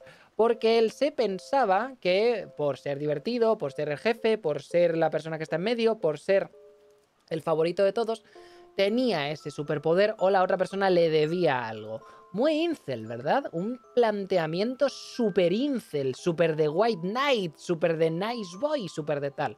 Bueno, esta mujer no se cayó, estoy bastante contento de que no lo hiciese, no se cayó y dijo, eh, Dan Harmon me está acosando, o sea, está intentando que está intentando que lo nuestro vaya más, está intentando que tal y después de haberle dicho que no, que no, que no, que no y que no cinco o seis veces. Está. Todas las opciones que digo de repente son una mierda. Cada vez que abro la boca me regaña delante del resto y si puede me ridiculiza. O sea, esta clase de historias. No es una violación, pero get cancel son. No, bueno, a ver, no tanto, ¿no? Pero no es un. No es una violación, no es un caso de abuso como sí que podría ser tal, pero es abuso, es acoso, es algo terrible. Dan Harmon sale públicamente y dice, una vez las declaraciones se hacen públicas, sale públicamente y dice, las declaraciones son verdad. Y no solamente son verdad, sino que no sé vivir conmigo mismo, no sé qué hacer con todo el dinero que estoy sacando, la única forma que tengo de lidiar con mi éxito es de forma autodestructiva y soy alcohólico. Así que como que salió en plan, ¡buah! pleno y pues ya la terminó de liar. Sony le despidió porque dijo, em, pavo, mm, eres un desecho de persona, lo sentimos, pero no te queremos aquí. Le pusieron de patitas en la calle y trató de, pues, eh, mejorar un poco aprovechando todo el éxito que había arrastrado de Community y pues ver hasta dónde podía llegar con el dinero que hubiese, el dinero y el éxito que hubiese sacado con esto. ¿Qué es lo que pasa? Community tiene una tercera temporada. Y si vosotros veis la tercera temporada, vais a ver que la cámara, la dirección y tal sigue estando muy bien, porque sigue teniendo a gente muy buena haciendo esa parte, pero los personajes son un poco peores. Los personajes de repente parece como que no... Mm. Ah. Ah, ¿Qué le pasa a los personajes? Los personajes estaban escritos por un grupo de personas que estaban intentando emular a Dan Harmon, pero Dan Harmon si hay algo que tiene como director, como guionista y como creador, es que sabe hacer conceptos de personaje muy potentes y basarse solamente en la química de esos personajes para que en una situación o en otra se cree esa dinámica. Lo interesante no es que Rick sea un borracho y Morty esté asustado. Lo interesante es poner a un personaje con, un con una potencia creativa tan autodestructiva como Rick Em, con el catalizador del alcohol y a Morty, que es incapaz de hacer nada, pero que en esta situación tiene que tomar la iniciativa y ponerles en un planeta en el que todos los habitantes de ese planeta son la misma persona. Ahí es donde nacen las bromas. Quiero que haya mogollón de personas viendo cómo follamos. Quiero que aparezcan 40 chicas y un enano. Y quiero que todas sean pelirrojas. Y voy a llegar vestido del tío Sam en un paracaídas. Es divertido porque es una gilipollez, pero es más divertido porque lo está haciendo Rick Sánchez y porque Morty lo tiene que estar mirando diciendo, esto tiene que terminar y le obliga a tomar acción a pesar de que sabemos que no lo haría en ninguna otra circunstancia, precisamente por eso es muy bueno en hacer este tipo de conceptos y todos los personajes de Community, si empezáis a ver la serie o si ya la habéis visto, encajan perfectamente con eso. El actor que está hablando ahora lleva un pasota que está intentando ser guay, pero al mismo tiempo tiene una tremenda crisis de los 40 con la que no sabe lidiar. El que está al lado es un decano que es la persona más sexualmente depravada que os vais a encontrar, pero que aun, con todo intenta llevar una fachada de normalidad, pero es divertido divertidísimo ver cómo le explotan fetiches por todas partes con los que es incapaz de convivir. La frase de espero que esto no despierte nada en mí es algo que yo he abrazado como referencia y que me encanta referenciar con absolutamente todo. Lo típico de ver, yo qué sé, a lo mejor alguien, una señora vestida de payasa chirigótica o algo así y que se ponga a hacer tal y verlo y decir, espero que esto no despierte nada en mí. Esa clase de historias es divertidísimo y son parte de una pool, de una biblioteca de referencias que me ha dado esta serie, que en la tercera homosexual no empieza a describir cómo soy, efectivamente. Eh, es algo que en la tercera temporada de Community parece como que se desapareció. O no desapareció, pero no estaba lo suficientemente presente como para que fuese la misma serie. Así que un año y medio después, viendo que eh, Chevy Chase no iba a aparecer para la cuarta temporada porque era imposible trabajar con él y los otros actores ya estaban también muy hartos de su mierda, después de em, que Dan Harmon hubiese buscado ayuda y hubiese lidiado un poco con ese alcoholismo, y después de pues que todo mm, se... Mm, asentase un poco mejor, Dan Harmon volvió al equipo creativo. Y estamos hablando de hasta ver entrevistas de los actores en las que les preguntan a los actores, oye, ¿qué tal la tercera temporada? Y los actores a lo Juego de Tronos dicen, a ver, no quiero tirar todo el trabajo que hemos hecho, pero es una reverenda mierda. Menos mal que Dan Harmon va a volver para la cuarta temporada, ¿sabes? Los actores, de su boca, increíble. Al final vuelven otra vez los actores, vuelve otra vez Dan Harmon, se va una persona que estaba metiendo mucho mal rollo y tenemos una cuarta y una quinta temporada que no están nada, nada mal. En la quinta temporada, de todas formas, se nos va otra persona. Childish Gambino, eh, creo que es cuarta temporada, de hecho, final de la cuarta temporada.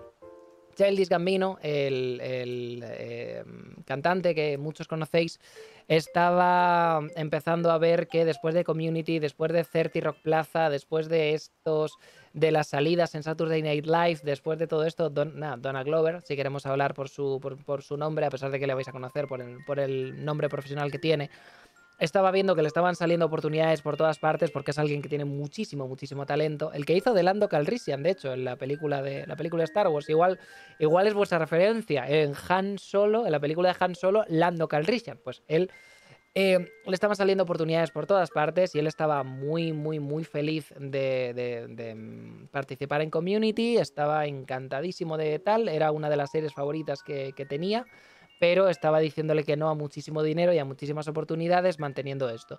Y la serie de Community no podía pagarle lo que él pedía para pues, seguir manteniéndole en el equipo. Así que tuvo que coger y tuvo que marcharse. Así que cuando termina Community, porque ven que parte de su equipo creativo y algunos de sus actores ya están partiendo y no se puede seguir contando con ellos, llega Yahoo. Ojo, cuidado, Yahoo. Yahoo Respuestas. ¿Cómo saber si me he quedado embarazada? ¿Sabes? Yahoo esa plataforma, tremendo memazo. Dejadme que resete la cámara. No sé qué le pasa hoy. Yahoo dice, buah, tengo una idea. Tengo la idea. Buah, buah, la, la ideaza. Buah. Vamos a montarnos una plataforma de streaming como Netflix y todo el mundo nos va a dar los dineros. Vale, Yahoo. ¿Qué vas a hacer? Voy a gastarme millones de millones de millones de millones de millones de millones de dólares en hacer contenido original y todo el mundo va a dar los dineros. Vale, ¿qué tienes en mente? Buah, Community.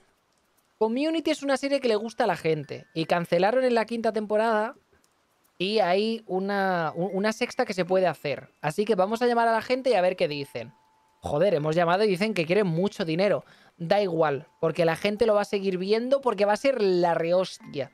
Yahoo se cae con todo el equipo, pierde muchísimo de su potencial. La plataforma de Yahoo de streaming es un fracaso absoluto y se muere, básicamente, se muere. Así que, pues, eh, es una cagada que te cagas, pero nos da algo bueno que es tener la temporada 6 de Community. Así que la temporada 6 de Community llega a Yahoo y Stonks, Stonks efectivamente. Eh, la temporada sexta de Community llega con personajes nuevos, llega con nuevas dinámicas y lleva con cosas a la sexta temporada, pero ya no es lo mismo y no solamente lo saben los actores y lo sabe el escritor, sino que lo saben los personajes y como lo saben los personajes también lo dicen directamente abierto a cámara.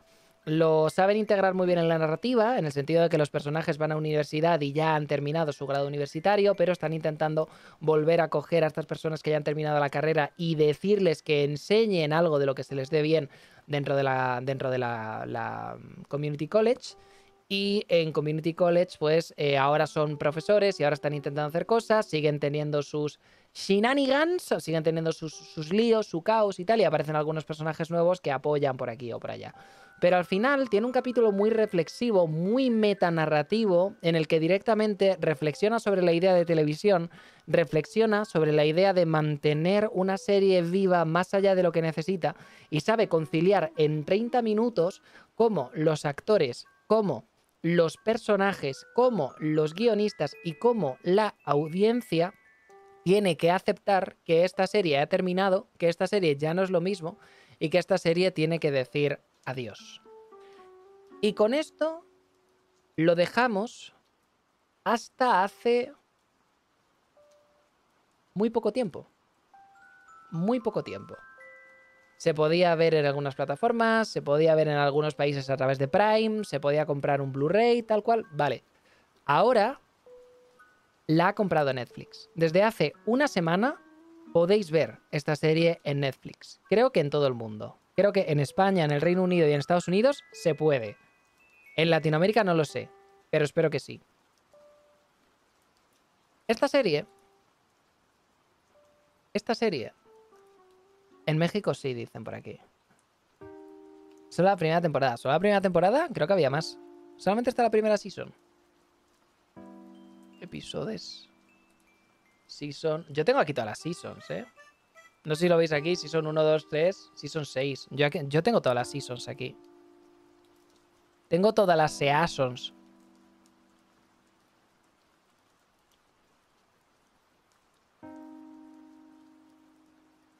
A mí, a mí las 6, a mí las 6, me he equivocado, están todas. En Latinoamérica están las 6. Están las 6, gente. Están las 6. La historia está en que uno una de estas, una de estos gags que os he dicho que es súper interesante y que podemos ver en, podemos ver en la serie y que te dan esa, mm, es, e, e, ese segundo idioma de referencias que se construyen encima de otras referencias dentro de esta serie es Six Seasons and a Movie. El, uno de los personajes que es muy autista en el mejor sentido de la palabra, no autista como Sheldon Cooper autista de verdad. Y es uno de los mejores personajes de esta serie. Es la mejor representación. Este personaje que está hablando, de hecho. Eh, es la mejor. Aved es la mejor representación de alguien neurodiverso que he visto en, en. Neurodivergente. Neurodiverso, no lo sé. Que he visto en una serie de este tipo porque su condición es la premisa. No es la punchline. No se están riendo de él por ser como es. Él, por ser como es, dice algo y alrededor de eso se forma una broma, que es muy diferente. Y probablemente sea el mejor personaje de la serie. Aved, muchas veces cuando sale corriendo, grita y dice, Six Seasons una movie, seis temporadas y una película, seis temporadas y una película, seis temporadas y una película. Dentro de los fans de Community, siempre se ha quedado la frase seis temporadas y una película. Cuando en la tercera temporada se estaba hablando de cancelarla, los fans decían seis temporadas y una película. Cuando en la quinta temporada se acabó, los fans decían seis temporadas y una película. Y cuando Yahoo contrató la sexta temporada, la gente decía seis temporadas y una película. A día de hoy hablaron con Dan Harmon y le dijeron, Dan, ¿qué es lo que hace falta para que salga la película? Aunque sea por el meme, tío aunque sea por el meme. Yahoo, qué grandes, aunque casi se arruinan, efectivamente. Aunque sea por el meme, ¿qué es lo que necesitas? Y él dijo dos cosas. La primera, 20 millones de dólares para dárselo a Glover, para dárselo a Childish Gambino para que venga a hacerlo, porque si no, no lo va a hacer. Y la segunda, saber que tengo un porcentaje bastante alto del, del, del cast original. Y cuando lo dijo, que fue en esta misma reunión, todo el mundo dijo, yo lo hago, yo lo hago, yo lo hago, yo lo hago, yo lo hago, yo lo hago. O sea, todos los personajes, todos los protagonistas de aquí dijeron al unísono que lo hacían, que lo hacían, que lo hacían, que lo hacían y que lo hacían. Y dijo, bueno, ahora están las manos de Netflix. Dan Harmon se lava las manos y dice, ahora están las manos de Netflix. Así que nosotros no podemos hacer mucho. Somos una comunidad de unas mil personas en directo. Somos una comunidad de cuántas, 30.000, 40.000, mientras estamos aquí viéndolo en diferido. Pero quién sabe, quién sabe si no seremos nosotros un granito de arena dentro de ver una de las mejores series que se han hecho en televisión para que Netflix vea que hay una tremendísima, tremendísima, tremendísima nueva afluencia de fans y lo mismo, se saca los dineros y tenemos Six Seasons and a Movie. Dale, Netflix, un cuarto de teta. Bueno, pues, pues eso. Así que simplemente quería eh, dar un poco mi. Quería dar un poco mi, eh, mi granito de arena y decir que, que, tengo ganas de que salga, de que salga esto. Alguna cosilla para terminar de convenceros. Los, um, los um, actores que estamos viendo por aquí, muchos de ellos los conocéis. Chen Won, por ejemplo, creo que se llama Chen Won, no lo sé. El, que, hizo, el que hizo The Hanover eh, dice que esto es lo mejor que ha hecho en su carrera. El señor sexy que habla, que está al lado de Dan Harmon, que es el que pone la voz a Ted, que recuerdo, Ted la, peli con Mark Wahlberg y el osito de peluche que hizo el señor de Family Guy es la puta comedia más taquillera de la historia. Y aun con todo este chaval, bueno, chaval, que tiene 50 años ya casi, lo que pasa es que, o sea, no, no entiendo nada. No entiendo nada, te lo prometo. Ojalá, ojalá llegar la mitad de bien. Pero bueno, este hombre dice que esto es lo mejor que ha hecho. Dan Harmon dice que a pesar de que hacer las cosas animadas hace que vender merchandising sea muchísimo más fácil y que ahí es donde están los petrodólares en el merchandising, hablando de Rick and Morty, dice que esto es lo mejor que ha hecho en la vida. Y los rusos han dicho públicamente que si no estuviesen haciendo cine, esto es lo que querían estar haciendo televisión como esta. Televisión tan arriesgada, tan creativa y tan diferente como esta. Lo entenderéis si veis la serie. Si veis la serie y veis como eh, un grupo de amigos quedan para no estudiar español, se ponen a hablar de sus cosas y tres minutos después la universidad se ha convertido en una guerra distópica mm, a lo Mad Max sobreviviendo solamente a base de barritas de merluza congeladas de la cafetería, mientras amigos que antes se trataban como hermanos empiezan a traicionarse los unos a los otros, mientras se lanzan balas de pintura y decís qué hostias está pasando y por qué esto es lo mejor que he visto en televisión, en el momento en el que veáis esto, va a cambiar vuestra percepción de lo que se puede hacer una cosa de estas. Lo más triste de esta nueva experiencia va a ser saber que se acaba.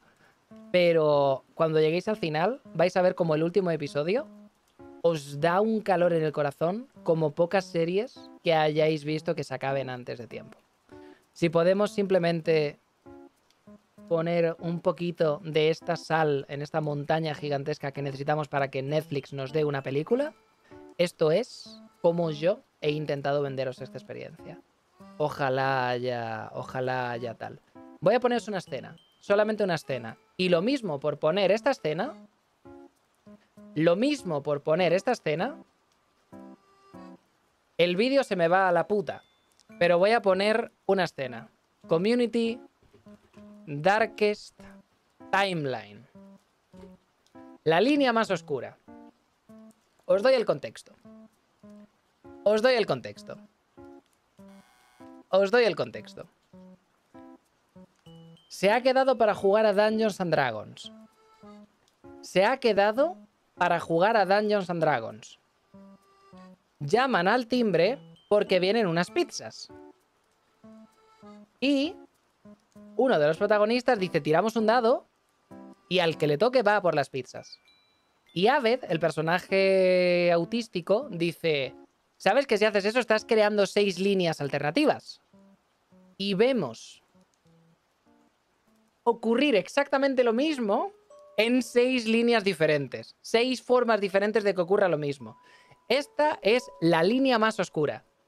Y no solamente es joderos un gag, joderos un minuto de los más divertidos que tiene la serie. Es literalmente un arca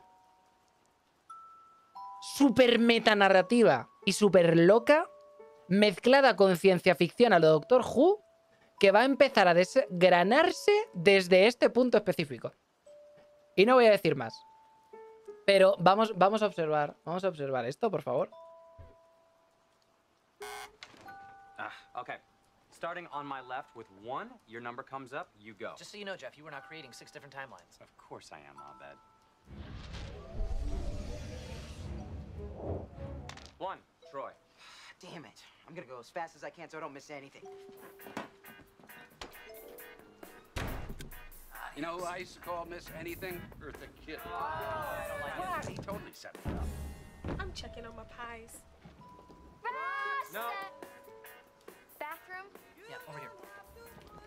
Jeff, tell us about your father. I'm gonna get a drink. Oh my god, are you okay? Barely felt it. Let me look at it in the bathroom. Ah! Ah!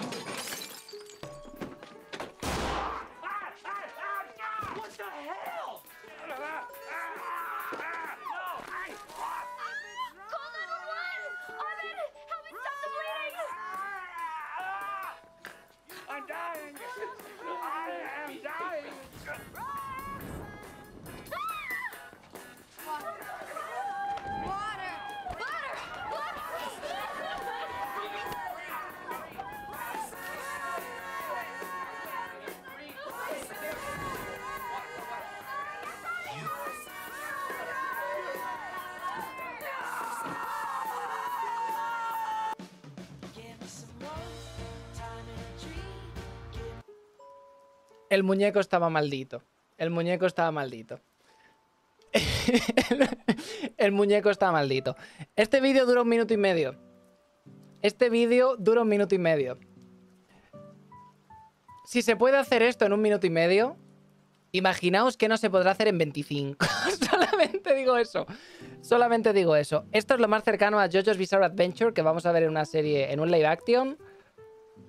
Ever. Ever. Así os lo digo. Así que si os interesa, community. Por último, por último, última forma. Bueno, el, memazo, el memazo de. eh, bueno, en fin, hay muchísimos memazos de estos.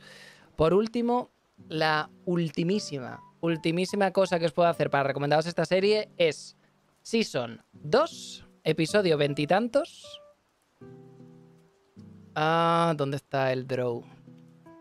Mm, community, intermediate.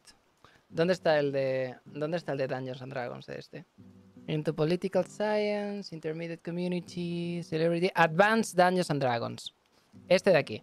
Season 2, episodio 14. ¡No podía ser otro número! Me cago en la epis- Season 2, episodio 14. Advanced Dungeons and Dragons. No hace falta que hayáis visto el resto de serie. No hace falta que sigáis viendo más allá de aquí. Es una serie que se cuenta, o sea, es un capítulo que se cuenta solamente ahí y no necesitáis saber absolutamente nada más de la dinámica de los jugadores. Si veis estos 20 minutos, Season 2, episodio 14, Advanced Dungeons and Dragons, y os parece divertido, veos la serie entera y disfrutad del regalo que os acabo de dar, porque os espera una cuarentena muchísimo, muchísimo más, más iluminada a partir de ahora. Si veis el episodio 14 y no os dice demasiado la serie, significa que no es para vosotros, que es perfectamente entendible. Dicho esto, y hablando de algo que no es para todos.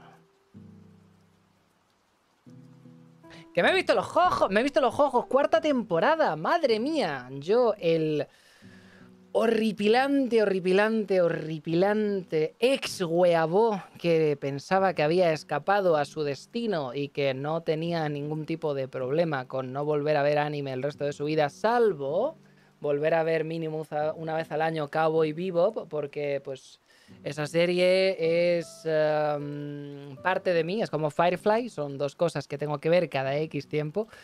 Em, yo pensaba que esto ya había terminado, ya había claudicado, yo había llegado el momento de decir a correr, a vivir.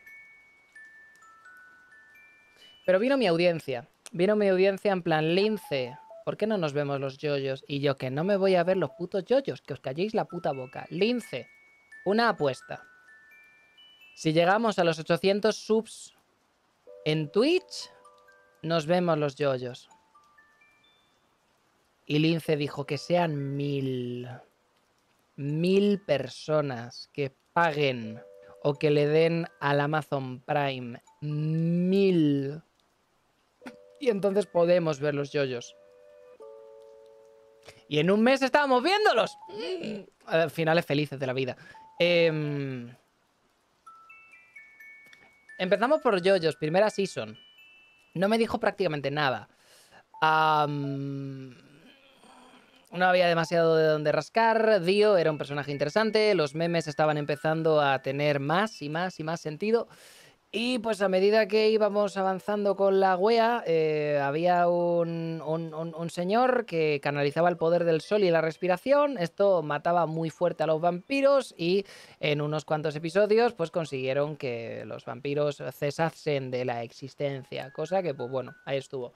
Hubo una segunda season en la que aparece el maravilloso Joseph Joestar, Nigerundaeo, que es un señor que pues eh, está muy cachas, muy mamadísimo, se dedica a hacer un poco el pánfilo por los Estados Unidos de América y ha estado viviendo su vida hasta que eh, Speedwagon, la waifu, em, se da cuenta de que ha vuelto a resucitar a los vampiros malos, así que necesitan ir a salvarlos antes de que los nazis hagan de las suyas. Los nazis hacen de las suyas y se arda, se lía muy pardísima. Luego después, en la tercera season, eh, de nuevo, vuelven los vampiros a tocar. No, lo perdona- no os lo perdonaré jamás. Los canarios, los putos canarios, vuelven a resucitar a uno de los vampiros más poderosos del mundo, que encima no solamente ha vuelto más poderoso, sino que ha venido con un poder extra que nadie conoce. Y tenemos ahora que ver un periplo de muchísimos episodios por todo, todo, todo, todo, todo Asia hasta llegar a Egipto para poder enfrentarnos en una eh, super mega batalla final. Bastante interesante, con una acción muy, muy, muy chula. ¡Hora! Efectivamente.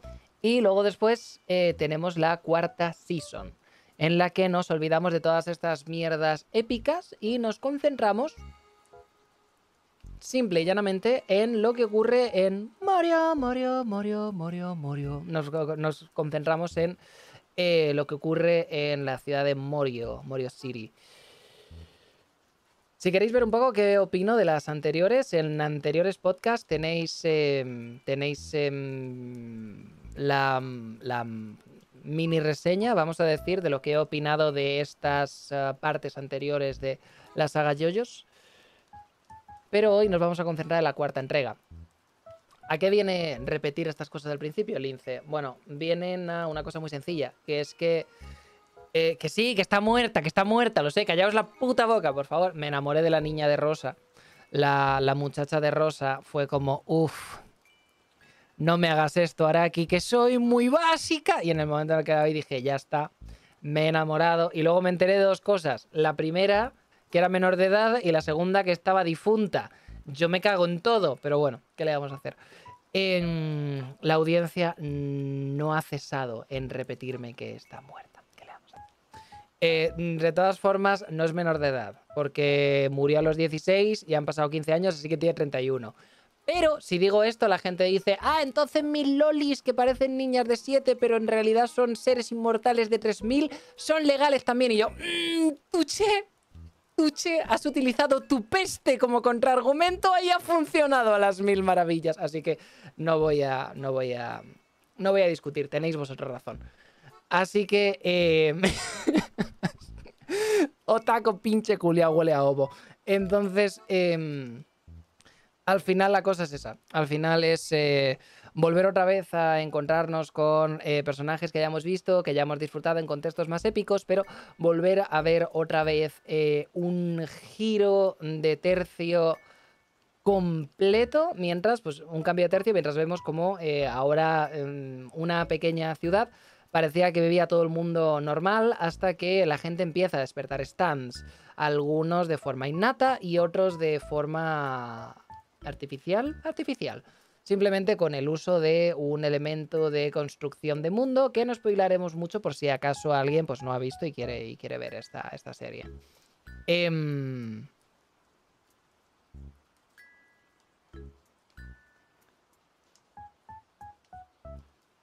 La cuarta temporada de JoJo's Bizarre Adventure es curiosa. Divide mucho a la comunidad. Hay algunos que mm, la aman, piensan que es la mejor y cree que tiene los mejores gags. Y hay otros que normalmente la odian. Y es muy complicado encontrar un punto medio entre A y entre B. No hay gente que diga, ah, pues no estuvo mal, a mí me gustó, pero bueno, no sé, me gustan más otras. Ah, normalmente vamos a qué es la mejor o qué es la peor. Quizá este elemento táctico de viajar por el mundo, Mm, enfrentarnos a males que van a acabar con el mundo y lo van a someter tal y como lo conocemos.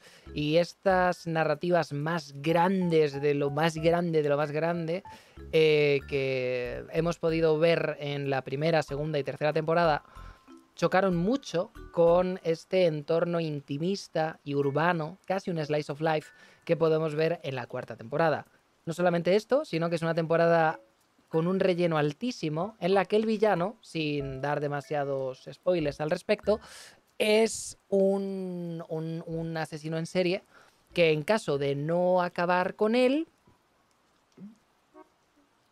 pues tampoco pasaría nada. Morirían personas, pero ¿cuántas personas morirían? ¿20? ¿30? ¿40 personas? Joder, si ponemos en una balanza someter al mundo entero tal y como lo conocemos y que los vampiros reinen sobre todo, o que mueran 40 personas, parece como que no hay stakes, parece como que no importa una puta mierda, parece como que, pues bueno, pues ya valió, ¿no? O sea, tampoco, tampoco nos vamos a poner a llorar. Pero a medida que te vas metiendo en Morio, a, pesar, a medida que te vas metiendo en estos personajes, a medida que vas viendo qué es lo que hacen o dejan de hacer, las dinámicas de grupo y sobre todo los elementos tanto ajenos a la narrativa del asesino en serie como propios de la narrativa del asesino en serie, que tienen una especie de agendas muy personales que quieren ir empujando, ¿no? Tienen una serie, unas tareas que hacer para conseguir poder, para conseguir posición o para conseguir cosas, fetiches, no vamos a decir mucho más, eh, todo empieza a tener cada vez más la dinámica y la tónica de una historia de Stephen King. No sé si habéis leído algo de Stephen King de estos típicos tochos de 90, 100 páginas, pero si lees It o lees The Dome, la cúpula, vas a ver que Stephen King va variando mucho entre personajes. Entonces a lo mejor empezamos en una casa y la dinámica de la casa termina, cambiamos a otra, vemos qué es lo que piensa el vecino, hablamos desde el punto de vista de alguien que está investigando algo que ha desaparecido, vemos a la persona antes de morir. Va cambiando muchísimas cosas y después de llevar 400 páginas pasa algo que es el primer punto de giro y de repente empiezas a entender cómo todo lo que te ha ido contando de todas estas personas empieza a ser relevante y empieza a conectar poco a poco uno con otro.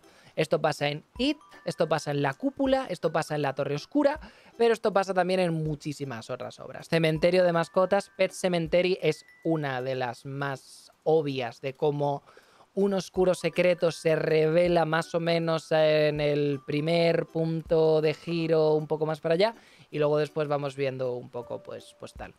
Eh, en este mundo pasa un poco lo mismo, en el sentido de que tenemos una ciudad con una serie de personajes activos que están todos mirando para sí, hasta que pasa algo, en el sentido de que todo el mundo empieza a tener constancia de que esta persona está aquí, esta persona está actuando, y esta persona está haciendo mierdas. Y de repente empiezas a entender y dices, vale, entonces esta persona con la que hemos estado dos episodios pero que ha desaparecido, va a tener un papel para jugar dentro de lo que es la narrativa de esto. Esta persona que parecía que no tenía nada, pero que de repente tal, probablemente sea uno de los que tal, que vuelva otra vez a enganchar con esto. Este antiguo enemigo que una vez sirvió de esto, pero tal, ahora va a tener un cambio de corazón y se va a meter en esto para esto o para lo otro.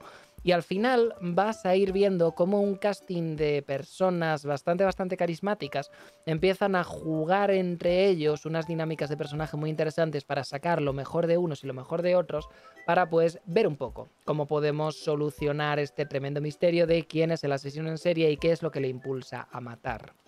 Además de esto, los stands que podemos ver no son stands como la tercera, que la tercera era... Bueno, a ver. em,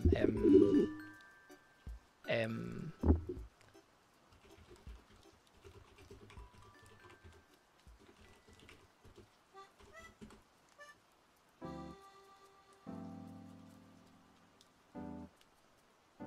Ah, necesito, necesito un GIF. Los stands dejan de. Los, est- Los stands dejan de ser un. Pues controlo el fuego. Los stands dejan de ser un. Pues controlo el metal. Los stands. Los stands dejan de ser un. Pues. eh, tengo la capacidad de. Y empiezan a tener unas. empiezan a tener unas dinámicas bastante más interesantes. No sé quién me dijo eh, un meme en plan. eh, stands en JoJo's Bizarre Adventure 3. Pues yo tiro fuego. Stands en JoJo's Bizarre Adventure 5. Controlo el flujo de la lluvia mientras cae, pero solo los jueves, ¿sabes? O sea, ya cosas como súper específicas y súper absurdas que parece como que necesitan un setting muy específico y muy curioso para funcionar. Ese momento parece que empezamos a verlo, parece que empieza a de verdad tomar fuerza en esta temporada de JoJo's. La creatividad con la que se tratan estas habilidades, algunas de ellas más absurdas, piedra, papel, tijera, otras de ellas muchísimo más interesantes, Heaven's Door, para pues ver un poco hasta qué punto podemos lidiar con toda la química y toda la dinámica que ofrecen estas habilidades específicas en un setting en el que todos nos conocemos, como si fuese un pueblo manchego.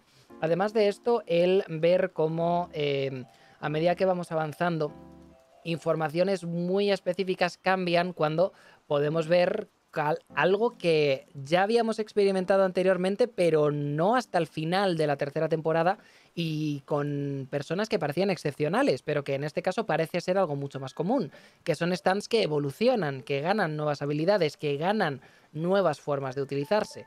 Que parece que no, pues, pero también le dan una dinámica muy interesante a todo lo que sería, pues, estas batallas que podemos ver en la tercera, digo, en la cuarta entrega. Y además de esto, el hecho de que sean menos episodios y que no tengamos eh, una temporada que está cargadísima de cosas importantes y una temporada que es relleno 10, 12 capítulos que son relleno hasta llegar al final, como ocurrió en la tercera season, parece como que hace que el flow de esta serie avance bastante mejor. Aun con todo, ¿me ha gustado o no me ha gustado? El protagonista me ha gustado. El Jojo Bro me ha gustado. El Pornalet, para mí ahora son los Pornalet. Todos, todos son Pornalet. Todos son Pornalet, todos. Pornarezu, todos, todos. Em, eh, Koichi, Koichiquito. Koichiquito me parece un mierdas. Me parece un mierdas. Ojalá se muera. No, o sea, horrible, horripilante. Lo odio. Me gustó el momento Lex Kill Dajovic, pero hasta ahí. O sea, ya está. Uf, fatal. Terrible, terrible. Y tristemente tiene más, protagonista, más protagonismo del que me gusta. Sale Yotaro. Y si sale Yotaro, yo ya estoy vendidísimo. Sale, sale Yotaro y Yotaro, pues, pulgar arriba. Siempre es pulgar arriba. Sale Reimi, que es waifu definitiva. Y si decís lo contrario, es que sois unos mierdas. Sale la madre de este señor. Sigo diciendo que si hay dos fetiches de Araki es follarse a las madres y matar perros. Vaya pedazo de hijo de puta. De verdad que no comprendo a este señor. ¿Por qué matas perros sin necesidad? ¿Y por qué tienes ese fetiche porque tus personajes se follen a las madres de otros personajes? No entiendo nada. Pero bueno, en fin. Em,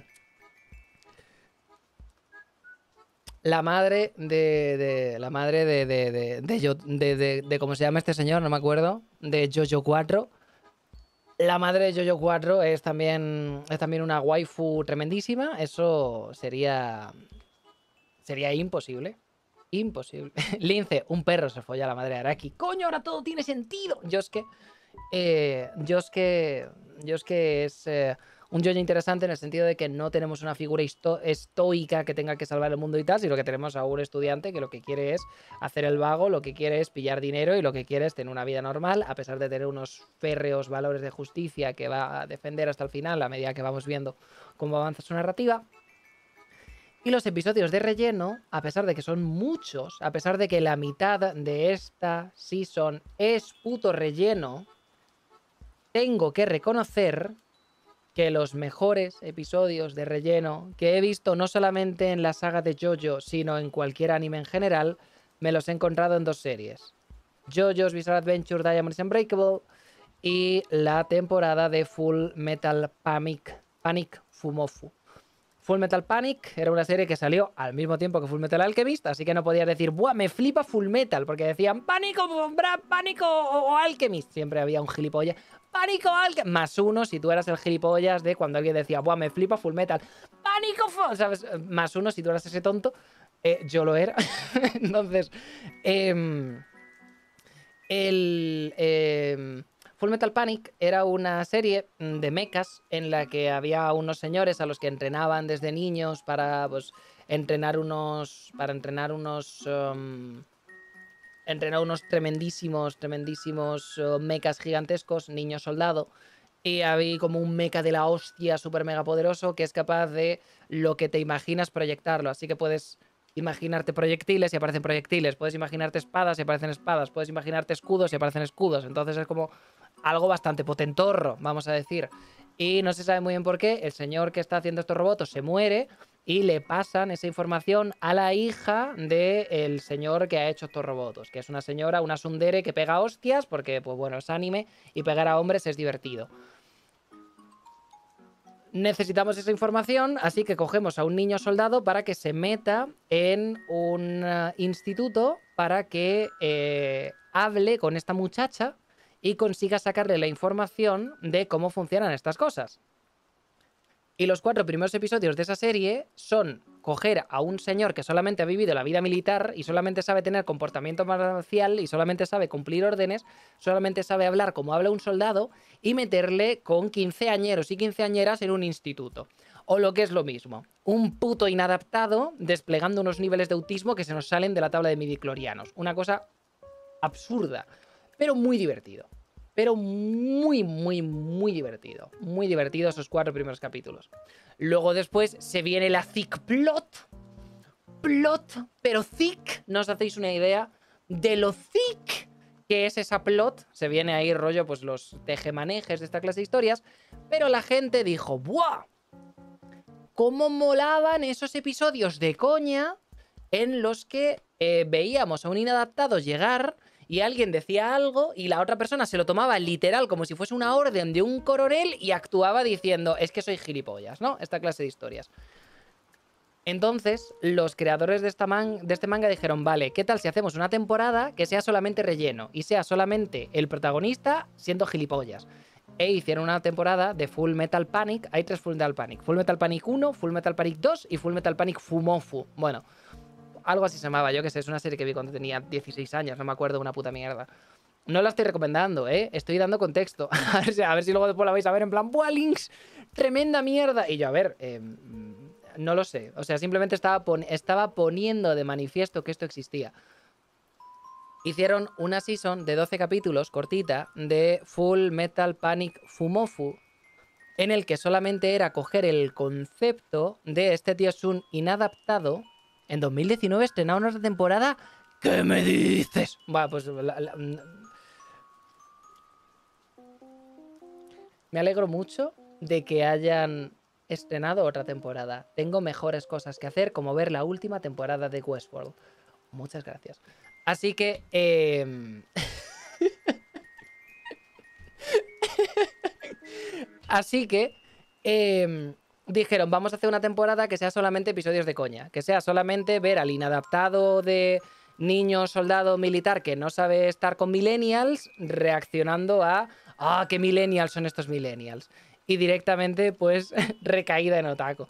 Directamente eh, ver un poco 12 episodios que no, no suman nada a la narrativa, no hacen absolutamente nada más que reírse de lo que es la dinámica que podemos estar viendo dentro de lo que es el universo que se ha montado. Que es exactamente lo mismo, exactamente, exactamente, exactamente lo mismo que ha hecho que ha hecho JoJo's. O sea, exactamente, exactamente lo mismo que ha hecho JoJo's. Señores, que no nos vamos a ver un anime de hace de hace 10 años, que no vamos a ah, venga, vale, lo vemos y nos vamos a ver el anime de hace 10 años y no, no lo va a ver ni Cristo. Además, son animes de rollo cuando duraban 24 episodios y luego la segunda season a lo mejor dura otros 10 y luego la otra season dura unos 12, a lo mejor son 50 episodios. Sería comprometer 5 semanas para algo que no va a ver ni Cristo. No, por favor.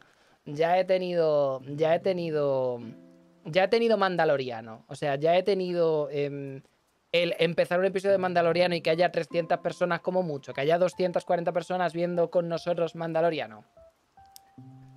Vemos yoyos porque bien, correcto, a la gente le gusta. eh, Empezamos a verlos ya 800 personas aquí con la visu- visualización social, vale, me mola, pero no vamos a ver Full Metal Pan. si llegamos a los 1200 subs la vemos, si llegamos a los 1200 subs la vemos, pero pero mm, pero pero mm, rel- relájense, por favor, relájense. La historia está en que es una, la única serie, seguro que hay más, seguro que hay más animes que hacen esto, pero es la única serie que yo he visto que haya cogido un concepto divertido, como pueda ser, tenemos esta persona que está haciendo esta cosa, que está haciendo esta locura, que está haciendo no sé qué, y luego después engancha con lo que vendría siendo el vamos a dedicar unos episodios para hacer simplemente la subnormalidad, para hacer simplemente los jijis, para hacer simplemente los jajas, para hacer simplemente lo que sea. Entonces, ¡Pum! Prime. El sistema funciona. Entonces, em, el rollito de esto es em, que Jojo lo ha hecho también. Ha cogido el concepto de los stands, ha cogido el concepto de hay algún usuario de stand cerca, ha cogido el concepto de no sabemos de qué pueden ir los poderes, pero no tienen por qué ser agresivos, y ha cogido el concepto de vamos a jugar con algo slice of life, pero le vamos a meter tremendos stands. Así que sigue intentando ser súper importante, súper épico, las poses, sigue intentando rollo tener todos esos elementos, pero metiéndolos en un entorno urbano donde no nos podemos tomar esto tan en serio. Lo que entiendo que divida tanto a la audiencia y que haya momentos que la audiencia diga, madre mía, qué épico, pero hay otros momentos que digan, tío, ¿por qué estamos en un restaurante poniendo poses de intensitos cuando realmente lo único que estamos viendo es un señor comer y descojonarse? Pero que en el momento en el que entiendes un poco el concepto del que va, es como súper mega divertido y súper inteligente el diseño de ese episodio en específico, ¿no? Entonces, voy a decir que he disfrutado de los episodios en los que hemos podido ver estas cosas divertidas y he disfrutado de 20 episodios de esta serie. La primera semana me gustó muchísimo, la cuarta semana me gustó muchísimo, pero la segunda y la tercera me gustó un poquito menos. La noté que se me hacían largas, la noté que había momentos en los que avanzábamos con la historia, pero con un soft reboot que hace que ya veremos cómo volvía otra vez como a empezar desde la casilla de salida, y a pesar de que hablaba mucho de las dinámicas de personajes y sigue construyendo Mori, Mori, Mori, Mori, Morio, mm, a pesar de que sigue construyendo Morio como ciudad y sigue hablándonos de los personajes, llegaba un momento en el que estaba cansado. Quería ver acción. Algo que no me ocurrió tanto con la tercera season, a pesar de que la tercera season mucha gente esquipea la parte de Egipto y se va directamente a por Dio. Cosa que yo no tuve mm, intención de hacer, salvo por los episodios de María y tal, que sí que se me hicieron un poco más lentos. A pesar de que el episodio de María le encanta a todo el mundo porque pues, dos personajes casi se dan por culo. Em, en esta serie sí que estaba un poco en plan, se me hicieron algunos episodios un poco largos. Necesitaba un poco más de acción, necesitaba un poco más de stakes, necesitaba un poquito más de algo, de lo que fuese. Quetzal, que es eh, una persona a quien admiro, aprecio y quiero, eh, dice que esta season es su favorita y que sus episodios favoritos son los de relleno. Y puedo entender perfectamente por qué es así. Están muy bien hechos, muy bien construidos, parten de unas bases muy, muy, muy bien establecidas. Y lo único que está haciendo es pasárselo bien, divertirse con lo que sabe que tiene y se puede permitir.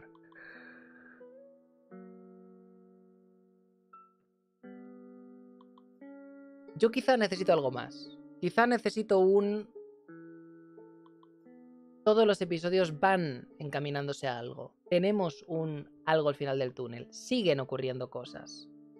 Así que creo que la quinta temporada, creo que tristemente voy a ser de estos señores que van a amar la quinta temporada, les va a violar la cabeza.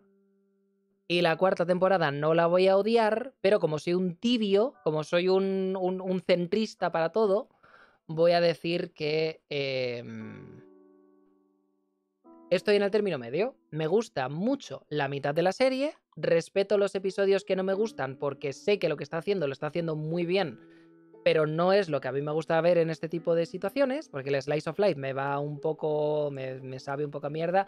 Lince, ¿qué mierdas hablas si estás jugando al Persona, que es 80 horas de Slice of Life, y te lo estás pasando como un hijo de puta? Mm, baneadito. No, a ver, eh, sí, es cierto que Persona es eso, pero siempre hay algo en Persona. Sabemos la narrativa, sabemos que tiramos hacia adelante, sabemos que hay tal y lo otro son como parones específicos en momentos específicos, ¿no? Pero al final todo, todo, va, todo va enganchando, vamos a decir.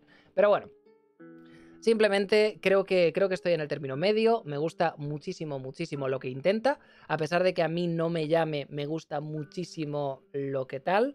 Sí que es verdad que tengo como algunas figuras muy endiosadas, como pueda ser Joseph o- mm, ¿Cómo se llama el señor este que me pone burraco? ¿Cómo se llama el señor de los ojos que puedes nadar en ellos? Se me ha olvidado, se me ha olvidado. No tengo, no tengo... Yo, Yotaro, Yotaro.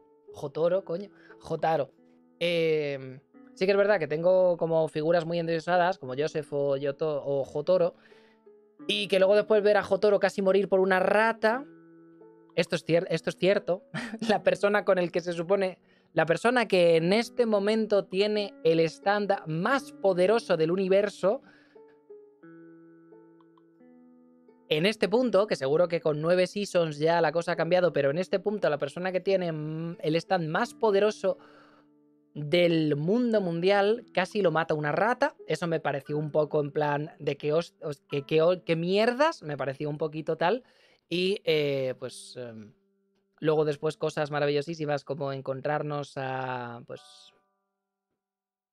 a Joseph, esa figura que se mantenía fuerte, se mantenía joven, el poder del Fulbring o como se llama esa cosa que los que los eh, que, usan los los yoyos em, para matar vampiros y tener stand y tener eh, todo esto em, eh, el jamón el jamón. No sé qué va. No, no, no sé qué es el Fulgrim.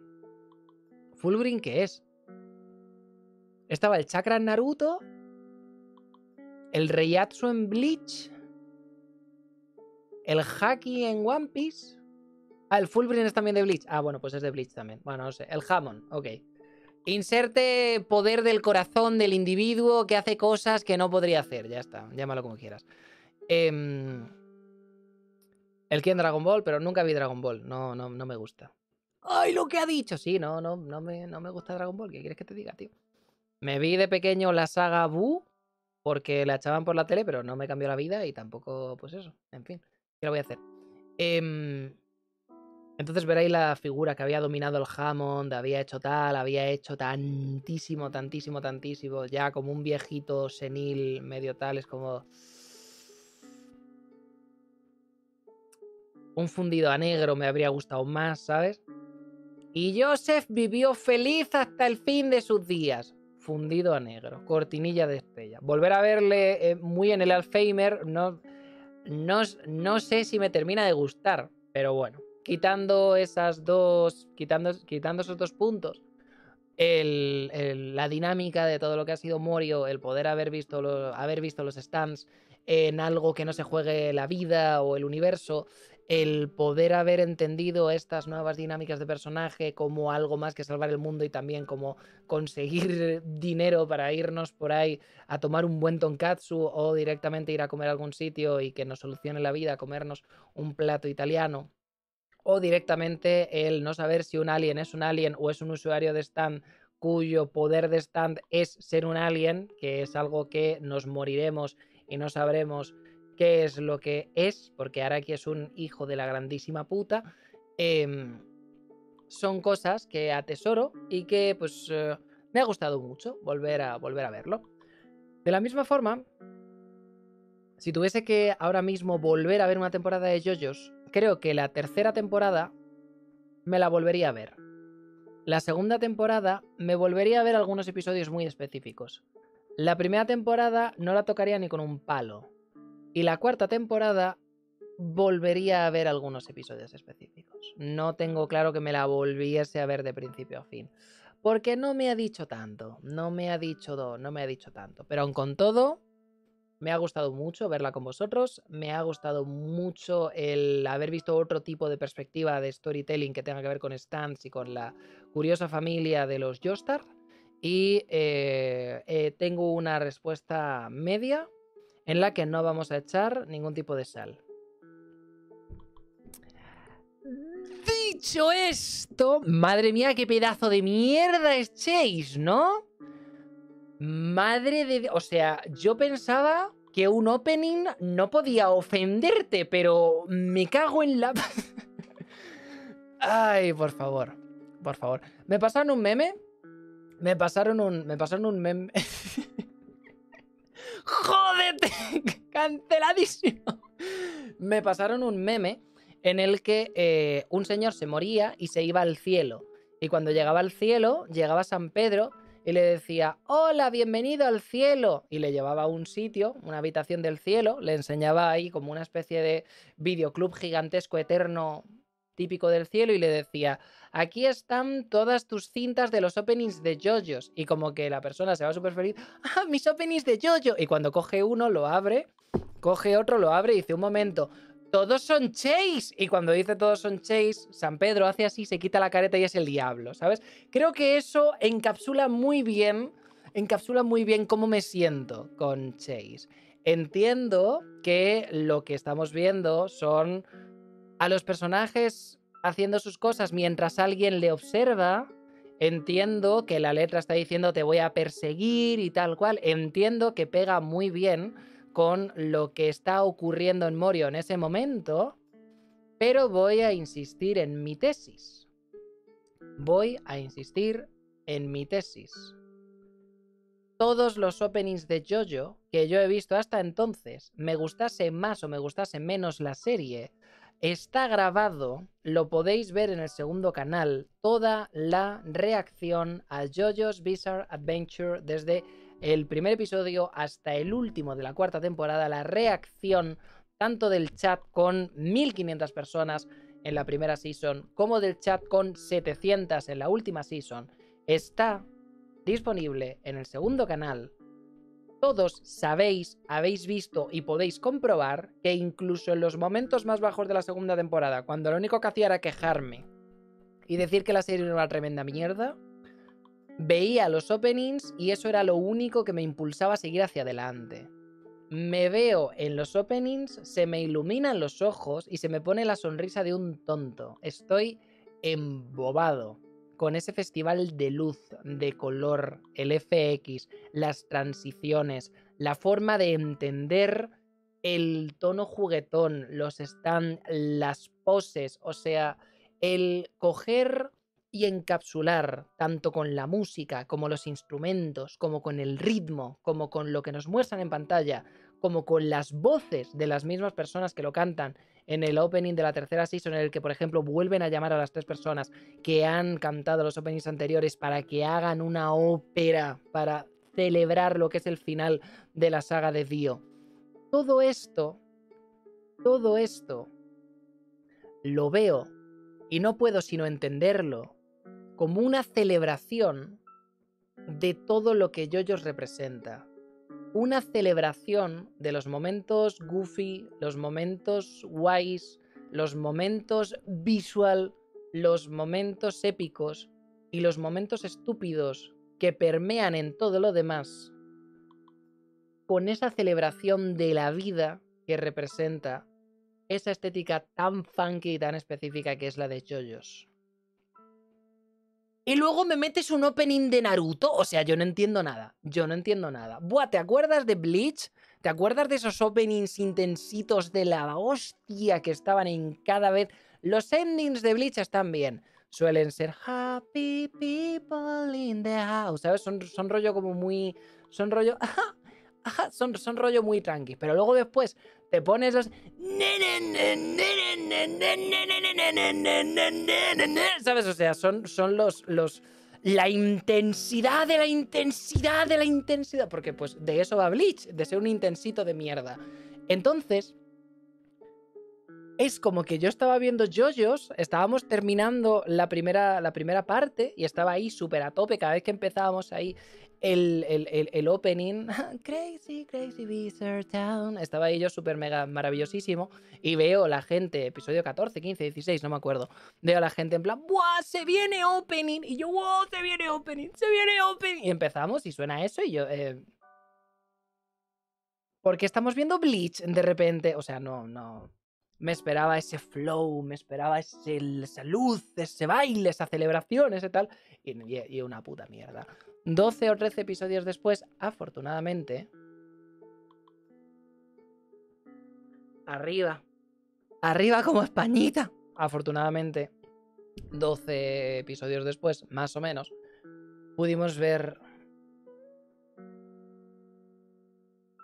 pudimos ver uno de los mejores eh, openings que... Pudimos ver uno de los mejores openings que, eh, tiene, que tiene. Uno de los mejores openings. Uno de los mejores putos openings. Desde el Take You Higher, partiendo del Breakdown, Breakdown. Es, es, es bellísimo. Es bellísimo. Es bellísimo pero tremenda, alta mierda, alta mierda Chase, ¿eh? Me cago en todo. Entiendo su contexto, entiendo lo que quiere conseguir y entiendo todo. No era el momento. Métete las cuchillas por el culo, que para abrirnos las manos... Casi digo algo que no quiero decir. Muy bien, pasemos a la ronda, pasemos, compañeros, amigos, pasemos a la ronda en la que nuestros maravillosos suscriptores pueden preguntar algo, pueden comentar algo de alguno de estos temas, Resident Evil, Remake, Nemesis, las pesadillas que tuvieron de pequeños o lo que sean. Pueden hablar de community o hacer alguna broma interna o directamente pueden, eh, pueden eh, hablar un poco de yoyos solamente de las temporadas que hayamos visto y por favor sin poner spoilers, porque tampoco queremos spoilear a la gente que todavía no se lo haya visto. No lo briteéis, no lo briteéis. Así que eh, vamos a proceder a ponerlo, por favor, por favor. ¿Para cuándo Yoyos Lince? ¿Para cuándo Yoyos 5 Lince? Pregunta. Pregunta el rock. ¿Para cuándo Yoyos Lince? Para este sábado, compañero. Pasado mañana.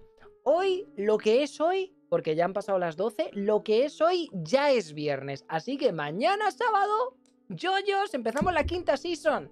Os quiero aquí todos. Os quiero aquí a todos para ver la puñetera quinta season de los puñeteros Yoyos Twinks gays. Más os vale que vengáis. La gente me dijo, Buah, es normal que baje cuando llegues a Egipto, porque a la gente no le gusta demasiado esta. Es normal que bajes cuando estés en la cuarta, porque a la gente hay algunos que no le convence. Pero cuando llegues a la quinta, llevan diciéndome que cuando llegue a la quinta van a venir mil personas desde que estábamos con la segunda. Así que más os vale, más os vale venir. Me cago en todo. Pero bueno, eh, lo dicho, que por favor solamente un comentario, por favor no pongáis demasiados spoilers y por favor no, no seáis putos. No seáis putos, ¿vale? No seáis putos. No me da tiempo leer a todos y os ponéis a repetir vuestra pregunta o ponéis a comentar la pregunta del de antes o cosas de estas. Así que una pregunta por cliente, no se poner spoilers y puede ser pregunta, puede ser comentario o puede ser puntualizar algo, pero solamente una de las tres. Ok, ¿Estás soltero? No. Primera pregunta contestada. Let's go. Os leo. Voy a ver si os puedo leer por aquí, pero os leo. No os puedo leer por aquí. ¿Qué le vamos a hacer? A ver. Eh, si haces yo-yo lo- con lo que estás haciendo de Hickson Draconides, dejarías que. ¡Oh! ¡Tremendo efazo! No puede ser. No puede ser. Vaya, vaya, vaya tremenda F. Vaya tremenda F. Una putada porque ahora es todo, es todo F el chat. Una putada porque ahora es todo F. Maldita sea. ¡No! De repente, de repente todo F, tío. De repente todo F, maldita sea. De repente todo F, no. Es como cuando me daban las notas en el cole. Maldita sea. Nah, en España no califican con Fs. Eh, desactiva los puntos de canal. Sí que debería. Sí que debería. Sí que debería. Pero no puedo hacerlo. Bueno, no pasa nada. Gente, aviso. Si aprovecháis para mandar un mensaje si no sois suscriptores, no voy a leerlo. Aviso. Silver Pierce sí, porque Silver Pierce pues, es suscriptor especial. No sé muy bien por qué, pero es suscriptor especial. Pero, pero, pero, en fin. Es que el problema de esto. A ver. Un segundín. A ver si puedo hacerlo de una carrera. Gestión de transmisión. Comunidad. Puntos de canal. Desactivados. Desactivar. Vale, creo que ya están desactivados. Vale. Perfectísimo. Ya está. Podemos proseguir.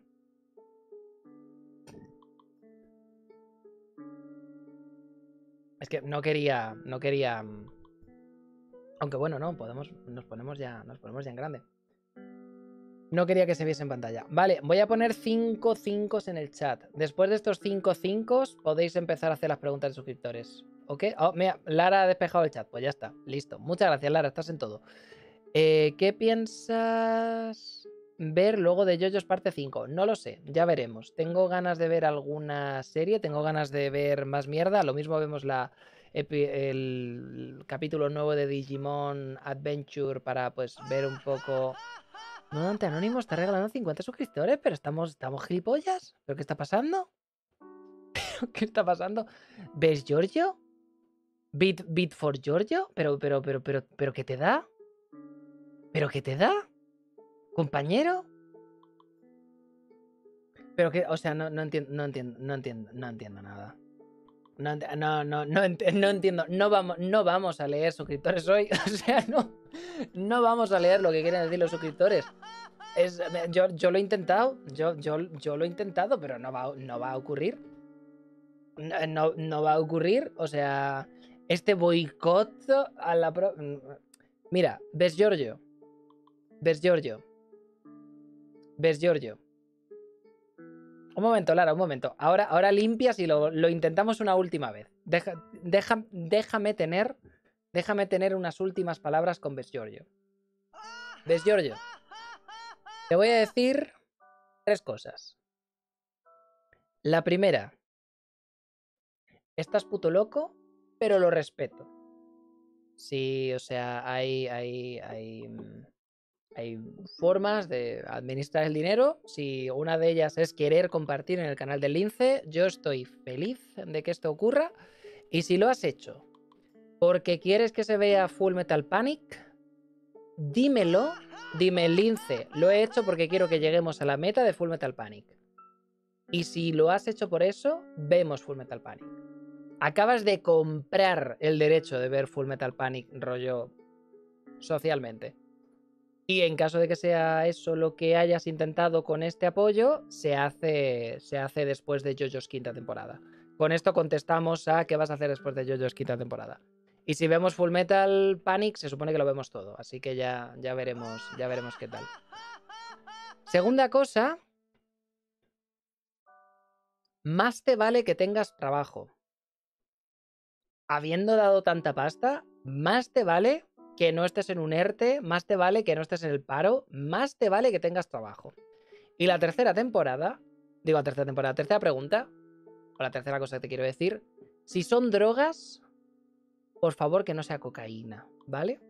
Si vendes porritos, bueno, pues en fin, o sea, yo opino, odio los, los porros, tengo ganas de vomitar cada vez que huelo a alguien, no los he tomado nunca, ni, ni ganas tengo, no he fumado tampoco jamás. Em, me parece terrible, me parece terrible. He tenido amigos bastante dependientes de esa droga y estoy, estoy fatal. Pero fatal, pero fatal. Pero muy, muy, muy en contra. Aun con todo debería ser legal y que la gente pagase putos impuestos por esa mierda. Si todos los porretas de España estuviesen pagando impuestos, habría bastante más dinero público. Porque anda que en España no se... Eh, Pero bueno, eso, eso es, eso es, eso es otra cosa. Nada, es solo agradecer el currazo que te has pegado en cuarentena. Men, que la has hecho pasar ligera. Bueno, pues muchas gracias. Sí que es verdad que para el que no lo sepa y esté viendo este... El que no lo sepa, y esté viendo este, este, esto en YouTube, se hace stream todos los días. Así que si son las 9 o las 9 y media en Españita, con total seguridad, em, con total seguridad, el lince está haciendo directo. Porque todos los días hace algo. Si queréis, está el, horario en, en Twitter y esas clases de historias. Pero bueno. Jugamos a dos o tres juegos siempre de diferentes días, se hace mucho rol, se hace podcast, o sea que sí, estamos. Y bueno, los sábados, los sábados, siempre, siempre los sábados es día de visionar algo juntos. Hemos visto las tres películas de la momia, hemos visto la, serie de Witcher, hemos visto El Mandaloriano, hemos visto JoJo's de la primera season hasta la cuarta y ahora pues empezaremos a ver JoJo's quinta temporada.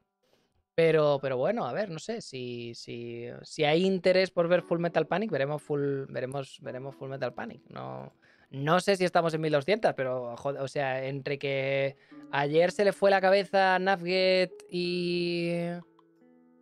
Entre que ayer se le fue la cabeza a Navgate y a, y a Tolai y hoy se le ha ido la cabeza a Giorgio, estamos, es- pues al final ellos hacen carrito.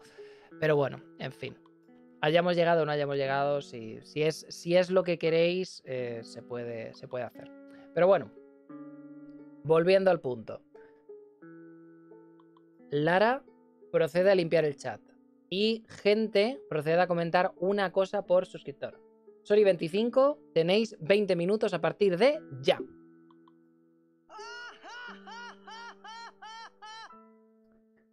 Links, faltó la opinión del señor villano de la cuarta parte, o es spoiler. Es spoiler, pero me gustó muchísimo. Es por eso digo que me quedo con los primeros 10 episodios, que es la presentación de todos los personajes y sus dinámicas, y los 10 últimos, los 9 últimos, en los que de verdad vemos jugar a todo eso. Me encantó muchísimo, mi parte favorita de la serie.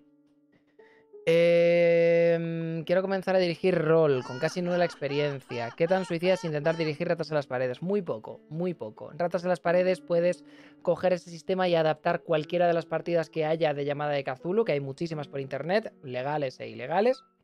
Es un sistema muy sencillo y te vas a leer las mecánicas en 20 minutos. O sea, es hasta ese punto sencillo. Y hacer personajes es un momento. Así que no es para nada suicida, te lo vas a pasar muy bien. Si haces con Jojo lo que estás haciendo con Hisun Draconites, ¿dejarías al jugador definir su stand? ¿Le darías a escoger entre los ya hechos? ¿Cómo lidiarías con los stats? No tengo claro que todavía sepa una forma de llevar al rol algo como JoJo's Bizarre Adventure. No tengo claro que si encontrase la forma, la aplicase sin testearla. Y no tengo claro que si la testease, quisiese hacerlo con suscriptores. Así que está bien la pregunta, pero la respuesta es no voy a potencialmente soltar la bomba de decirle a la gente partida de JoJo's y que la gente se ponga a mm, utilizar todo su conocimiento de lo que es JoJo's contra mí o estemos aquí intentando en lugar de contar una historia hacernos unas mind plays entre unos y otros. No es una dinámica de rol que ahora mismo crea que es lo que estoy buscando. Así que no sabría contestarte a esa pregunta. ¿Preferirías ver un remake de Assassin's Creed 1 o que retomen el proyecto de Prince of Persia cancelado que retuiteaste hoy? Prefiero el príncipe, de Persia. El príncipe de Persia, lo que he retuiteado hoy, ese proyecto cancelado, es, es increíble. Tendría muchísimas, muchísimas ganas de ver algo así.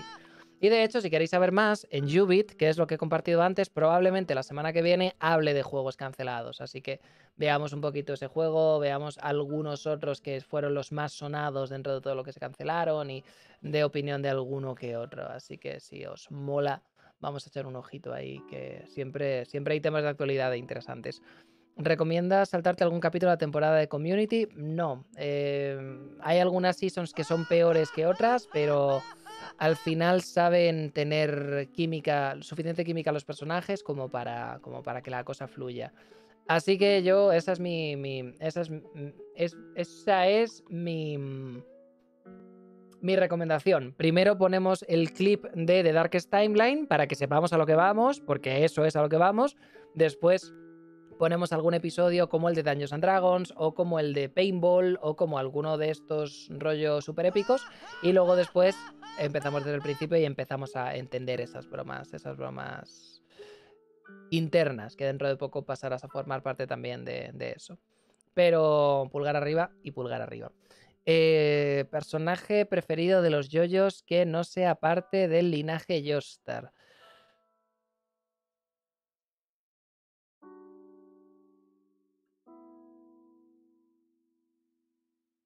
Creo que... El egipcio. El egipcio. Abdol. Abdol. Abdol. Abdol. Supongo que Abdol.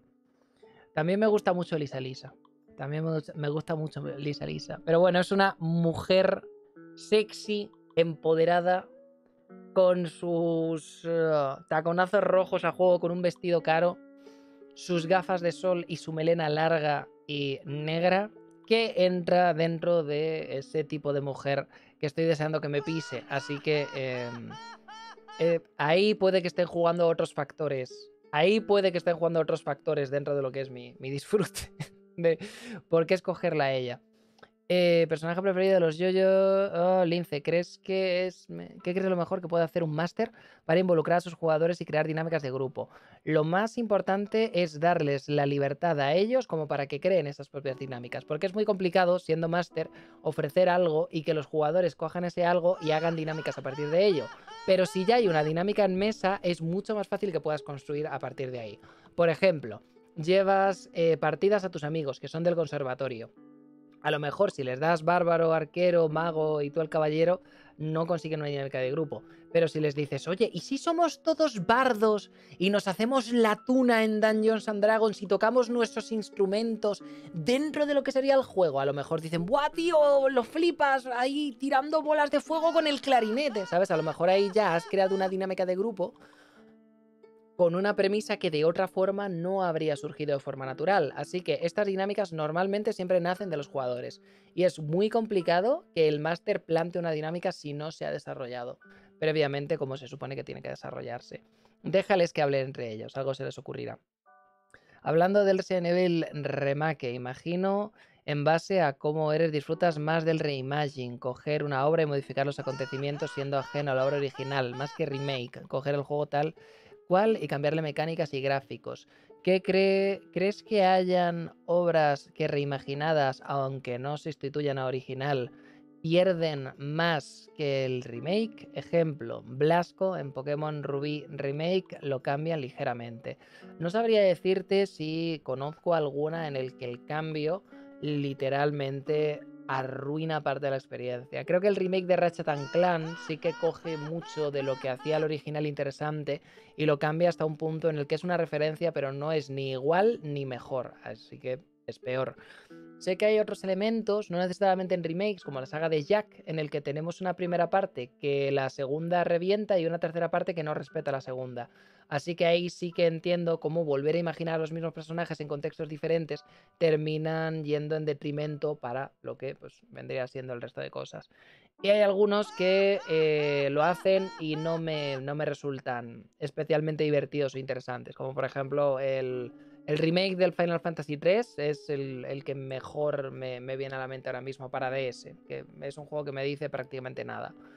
Así que depende mucho de la dinámica, pero mm, si es una cosa completamente diferente y tengo las dos opciones, no me molesta. Si tengo un remake que a la que lo hace sustituye al original de mala manera, como el Final Fantasy VII Remake, me jode bastante por lo que significa si se hace mal, como se ha hecho mal, pero de eso ya hablaremos el día 15. Y si es un remake que cada uno se mantiene con su propia mierda, pero tampoco cambia mucho, como pueda ser el remake de... em, Pokémon Eevee y Let's Go Eevee, Let's Go Pikachu versus el fuego red eh, Fire Red, el rojo fuego y el verde hoja. Mm, em, esos, pues puedo disfrutar de uno y puedo disfrutar de otro, a pesar de que otro sea peor porque no pueda capturar y tenga que utilizar los motion controls y esas cosas historias. Me estoy quedando sin voz ya. Disculpe ustedes. ¿Para cuántos remakes de da este engine de Resident Evil? ¿Se vendrá un remake del remake? No lo sé. La saga de Resident sí que es una saga que parece que está muy obsesionada con volver a reinventarse a sí misma o volver a los orígenes de sí misma. Lo ha hecho bastante. Los Umbrella Chronicles se supone que eran para coger todo el lore, todo lo que había significado Resident Evil y volver a ponerlo en una nueva jugabilidad. Y un año después de eso salió otro remake de otro juego que no tenía absolutamente nada que ver. Ha habido muchas versiones en HD, muchísimos cambios. Resident Evil 4 se ha eh, llevado a todas las plataformas. Resident Evil original, el remake, se ha llevado a todas las plataformas. En GameCube puedes jugar versiones ya con bastantes cambios, rollo gráficos, pero que son el mismo juego de la segunda y la tercera parte. O sea, sí que se han hecho muchísimas, muchísimas, muchísimas mierdas de volver a intentar pillar los orígenes, volver a intentar, pillar cosillas de estas. Así que sin duda veremos otra vez esta historia revisitadas al futuro, porque pues es una saga que es muy fetichista de eso. ¿Cuánto da para este engine? No lo sé, pero si lo arrastran a PS5, yo creo que se sigue viendo tremendamente bien. Son un poco como eh, la versión HD o la versión original del Resident Evil, el primer remake que hicieron que como literalmente es pintura con un poquito de gráfico y de luz en la pintura y son ambientes en 3D en los que el personaje se mueve, es se ve jodidamente bien y son gráficos que nunca envejecen, precisamente por el nivel de detalle que tienen. Así que en este caso estamos con algo un poquito similar, pero con más libertad a la hora de movernos. Creo que caducarán antes las mecánicas que los, que, los visuals, se ven muy bien. Y espero que nos dé para mucho, porque así luego podemos ver los vídeos de animaciones al 500% y partirnos la puta caja con el contenido más estúpido que existe. ¿Qué te ha parecido el cambio de yoyos desde la primera temporada hasta ahora? Quizás Best for Giorgio quiere que uses el dinero de estas 50 suscripciones para comprar la gorra de Yotaro y hacer cosplay los sábados. Lo has intentado, Ulti, Ultibanas, lo has intentado. Has, um, me, ha- gustado, ¿eh? Me ha gustado. Casi, casi cuela. Uf, la, tirado, ha dado la escuadra, pero, pero ha, sido, ha sido una buena intentona. Em, me parece interesante. Eh, a partir de los stands es cuando yo empiezo a conectarme con Jojo. Antes, pues entiendo las poses, entiendo la idea, me gusta mucho la presentación, me gusta mucho la banda sonora, pero la historia no me dice nada. Son señores utilizando un poder interior para matar a otros señores haciendo mierdas, como puede ser literalmente cualquier shonen que existe. Es a partir de estos espíritus pokémonescos llevando los eh, tetrolié, porque tú no sabías que yo sabía, que yo tal, que yo no sé cuántos, donde empiezo a disfrutar verdaderamente de esta saga. Así que yo diría que a partir de la tercera y a partir de la cuarta es donde empiezo a conectar con lo que, con lo que estoy intentando pillar. Al parecer estamos en época de los remasters, habiendo pasado por el 3 y el 7 y viendo las reacciones de la comunidad. ¿Crees más acertado que deberían ceñirse al material original o tratar de sorprender tanto nuevos como los jugadores originales? Depende de cada empresa, depende de cada puñetera empresa. Y supongo que algunas verán el diseño de sus juegos eh, más capaces de pasar a un formato actual y otros lo verán menos capaces de, formar un- pasar un formato actual. El formato mm, de gameplay de Resident Evil 2 aguanta muchísimo mejor el paso del tiempo que el de Resident Evil 3, porque el de Resident Evil 3 estaba orientado a la acción y por tanto no había esa exploración de escenarios, mientras que en el 2 la exploración de escenarios era prácticamente lo más importante. Si escalas y vuelves a hacer el escenario, es normal que la exploración sea bastante similar, pero en el momento en el que cambia la experiencia a algo muchísimo más pasillero y muchísimo más orientado a la acción, es bastante complicado el mantener absolutamente todas las piezas en el mismo lugar cuando cambias de tablero. Así que entiendo que hay algunas empresas que quieras cambiar y otras que quieras mantener. Creo que depende más de los diseñadores que están intentando hacer esos nuevos retos, esas nuevas pantallas, cambiar esas mecánicas que lo otro. Pero lo del Final Fantasy VII no tiene justificación, de verdad que no lo entiendo. Opinión de los villanos de Yoyos en general. Me parece muchísimo más interesante el de la cuarta que el de los anteriores. Siempre me parecerá muchísimo más interesante un villano como el de la cuarta que un villano super mega chungo de la muerte. Pero sí que es verdad que Dio tiene un algo especial. Llámalo flow, llámalo estilo, llámalo carisma. Y aunque es la cosa más básica del mundo, me hace, me hace parecer. Me- me gusta bastante. Em, ¿Hay algún tema que te haya que te hayas quedado aparte del Pillarman? Sí, tengo, tengo muchas cosas en el. Todos los openings, menos Chase, están en mi lista de. en mi lista de entrenar. Para precisamente pues seguir con. seguir con estas cosillas. Y estoy. Tengo, tengo muchos temas. Todos los temas principales de los JoJo's están también en la lista de reproducción porque me gustan muchísimo. Tengo, tengo, tengo cosillas, tengo cosillas de la música en listas de reproducción y tal. Eh, ¿Cómo verías un remake de Silent Hill como los de 1, 2 y 3? Si se hace bien, podrían estar muy guay. El problema es que podrías hacer unos remakes de estos y que se controlen rollo como el Shadow Memories, no, como el Scatter Memories o el Shadow Memories o algo así. Y eso está bien en el sentido de que tiene el imaginario de. de, mm, tiene el imaginario mm, de- de Silent Hill, pero no tiene el diseño de Silent Hill. Así que si se hace con cariño, con mimo y con respetando las voces y respetando la intencionalidad de los estos, creo que puede quedar muy bien. Pero dependería de eso, dependería de que no lo convirtiesen en algo que no es. ¿Cuáles son tus expectativas para la parte 5? Que nos lo pasemos bien. No necesito que me cambie la vida, no necesito que me viole la mente, necesito que sea divertido y que pueda pasar aquí un rato correcto durante el mes de mayo con mis panas el sábado, comiéndome de 9 a 10 episodios de Jojos desde aquí hasta que termine mayo. Eh, entonces, por Nugget soy sub sin saberlo, pues vale, probablemente Anga, probablemente. O Navget o Tolai, o, igual Giorgio, no lo tengo claro, pero probablemente. Un abrazo desde aquí. ¿Qué opinas de Rohan como personaje? ¿Qué ha pasado? ¿Qué ha pasado? Se ha ido. Volvió otra vez a la parte de arriba, no sé muy bien por qué. Eh, Rohan como personaje y de su relación con la Necrowaipo.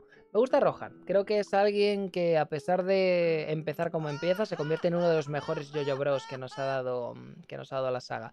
Un poco intensito, para mi gusto. Los oh, trajes que se pone son demasiado para mi cuerpo, no porque me calienten, y un poquito también, pero mm, es bastante extraño, bastante, bastante extraño el, el, el cómo ese personaje se mueve, cómo ese personaje habla, cómo ese personaje actúa, pero se convierte en un Jojo Bro bastante interesante. Me gustó, me gustó el desarrollo que tuvo. ¿Cuántas similitudes ves entre Jojo 4 y la serie de Twin Peaks? No lo sé, no he terminado de ver Twin Peaks. Vi la primera temporada, vi un par de episodios de la segunda y no sé muy bien qué salió que tuve que cambiar a verlo. Igual Westworld, igual alguna de estas que dices no puedo no verla, la cambié y, me quedé ahí. Lo sé, de Sonra sobre Vivaca. Evangelion para cuándo? No lo sé. No la he visto. Debería verla, a estas alturas debería verla, pero, pero bueno, no sé, ya la veremos. Se verá Space Dandy. Eh, lamento ser pesado, pero quiero una excusa para verla de nuevo. Podemos verla, pero no sé si antes deberíamos ver. Ya que vemos esa, ya que vemos ese estudio, no sé si antes deberíamos de ver Cowboy Vivo y Knocking on, Heaven- Knocking on Heaven's Door antes de ver Space Dandy. No lo sé. De todas formas, Space Dandy son 12 capítulos, o sea que eso se puede ver en una semana. A unas malas. Eh, mm, mm, mm, ¿Puedes hacer un top de villanos de Jojo? Eh, creo que Kira está el primero, como es obvio. El segundo es, Dio, porque es. ¿Quién va a ser? Es Dio. Y luego después están los Pillar Men. Es que todavía no hemos, no hemos visto mucho más. Si quieres rollo que vaya cogiendo los villanos de la semana y ver ahí tal, tendría que, tendría que hacer una investigación bastante más exhaustiva. Pero ese sería un poco el top. No tengo nada que preguntar, pero si se lee con odiota, con odiota. ¿Por qué nos pones tan horny a todos? No lo sé, eso es problema vuestro. Insisto, yo estoy aquí haciendo mi trabajo, hablando de los jojos. Mm, ahí está. Estamos hablando de los jojos. Escuchar los jojos, escuchar los openings, exponerte a la gente haciendo poses implica que te vuelves homosexual. Mm, se dice que uno no puede.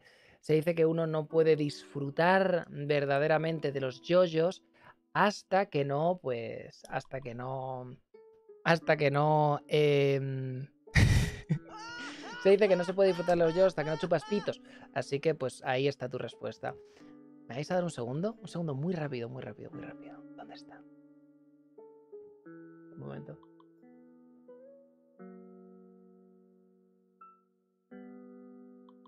Creo que tengo algo, algo que enseñar y algo que decir.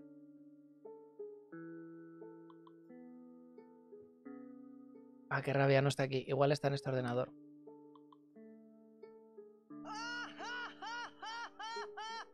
Tiene que ver con los yoyos, ¿eh? Tiene que ver con los yoyos. Es una declaración de un yoyo fan que es precisamente lo que estamos hablando.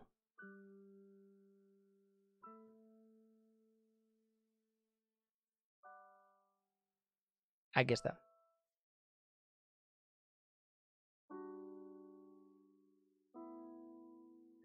Esta, esta, esta declaración. Esta declaración de Jojo Fan es, es importante. Un momento. Que quiero tapar. No, que- no quiero poner. No quiero poner el. No quiero poner tal. Esta declaración de este Jojo Fan es bastante importante. Eh, podemos proseguir. podemos proseguir con, con las, con las preguntas. Eh, si pudieras salvar a Nojima y Nomura o comerte un helado, ¿de qué sabor te lo pedirías? de vainilla. Me gusta el helado de vainilla. Me gusta mucho el escafato, creo que se llama, que es un expreso y una bola de helado de vainilla y echar, y echar el helado de vainilla en el, en el expreso. Así que por eso, por- de eso me pedí el helado. Nada que preguntar, salvo que coincido totalmente con tu opinión de Chase. Eh, ah, ah, ah, si pudiera elegir el director para dirigir Community, ¿cuál? Si pudieras elegir el director para dirigir Community, ¿cuál sería? No lo sé. La verdad es que no tengo demasiado. No, no sigo demasiado a gente que ahora esté haciendo televisión o que sepa hacer televisión. No veo demasiado. Estoy mucho en Netflix, estoy mucho a esta clase de historias. Sé que quiero que la dirija Dan Harmon y sé que quiero que tenga un porcentaje alto de, de los, de los comuniteros originales. Pero mm, no sabría decirte nombres. Si pudi- ¿Te vas a ver la peli de los Yoyos 4? No. Eh, ¿Sale trío Lynx, Quetzal y Kira? Eh, no lo sé, no lo sé. Ahí me puede matar fácilmente alguien y no tengo, no tengo claro quién de los dos. Así que diré que no.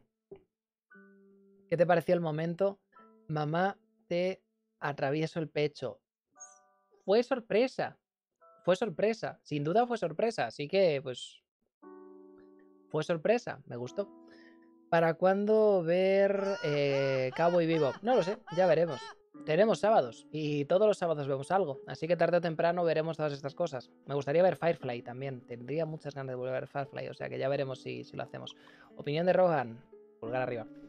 Links, ¿qué dices de poner el anime serie de los sábados a votación por Twitter? No, porque luego no vienen los hijos de la gran. Prefiero hablarlo con vosotros, prefiero hablarlo con los regulars, prefiero decir quién quiere venir y que pongamos un más uno o algo así, porque ya estáis aquí y venís muchos días y sois regulars y os veo y reconozco los nicknames, así que sé que si viene Crazy Borja y me dice que va a estar el sábado, es que va a estar el sábado. Si viene eh, Navget y dice el sábado vengo y regalo, sé que viene y regala. Si viene cualquiera de los, eh, de los regulars eh, am- el sábado un día más, sé que van a venir y sé que vamos a estar viendo lo que sea, pero si no vienen, pues no vienen. Entonces, esa es la historia. Mm, ¿Qué opinas de Moria como ciudad y otro personaje en la serie? Yo y su uso de color, como el naranja.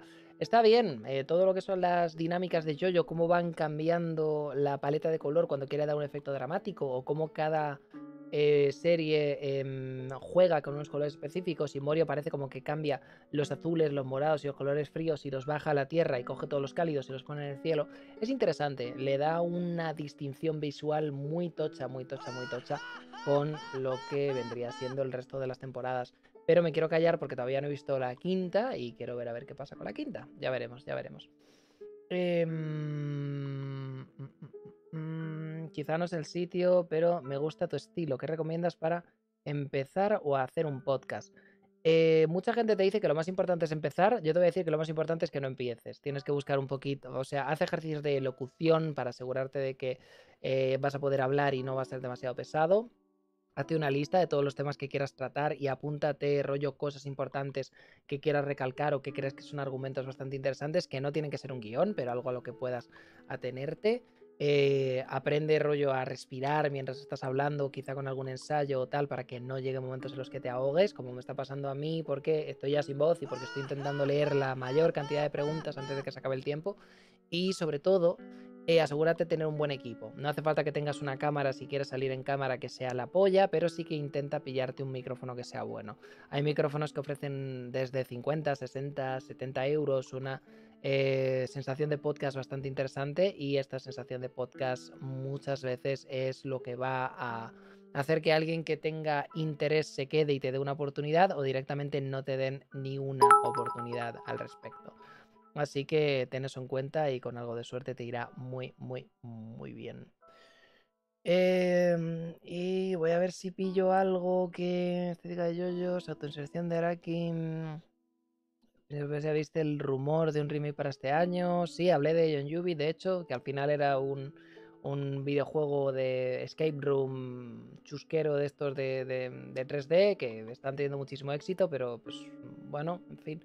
No es, no es un príncipe de Persia nuevo, sad, lloro, temo, mi cocoro se encoge, pero bueno, no lo sé, con algo de suerte, con algo de suerte veremos cosas, a ver qué pasa. Si tuvieras dinero para crear una serie de televisión, meterías un personaje tipo Aved. No sé si podría crear una serie de televisión, no sé si tengo la capacidad de hacer cosas rollo slice of life, en el sentido de empezar algo y terminar ese algo de forma episódica, así que no sabría decirte si sí o si no, porque es que, es que de verdad, de verdad que no tengo, que no tengo ni idea de si lo haría o no lo haría. Pero, pero sí que te sé decir que disfruto muchísimo de verle y sobre todo de ver el cariño y el respeto que hay con el personaje este. Al final no harás video análisis de Final Fantasy VII Remake o harás algún podcast, simplemente dejarás tu opinión al final de la serie. Haré un podcast en el que hablaré de todos los elementos mecánicos, todos los elementos que no me han gustado y todos los elementos que aprecio dentro de la jugabilidad de los cambios, pero lo que haré en lugar de una reseña será un ensayo de por qué el final del Final Fantasy VII Remake me ha destrozado por dentro.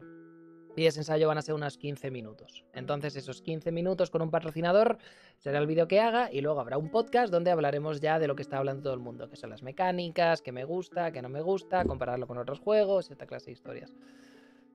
¿Consideras Rohan como un secundario lo suficientemente interesante para dedicarle dos ovas? No lo sé, es popular, es muy guapo, tiene una estética muy diferenciada y supongo que había más con su stand había más para explorar con diferentes settings que con el de con el de mm, con el del otro, con el de Yosuke, que pues parecía como un poquito menos, o sea, vale, sí, es un es un está muy bien, pero necesitas alguien que tenga un conflicto abierto. No es no te da tanta premisa para hacer cosas simplemente basado en este stand existe como hace el de Rohan. Así que entiendo que tenga dos sobas que no voy a ver. Pero, pero bueno, llevamos ya dos eh, horas y 51. Hemos pasado los 50 minutos, que era hasta donde quería llegar. Así que creo que voy a.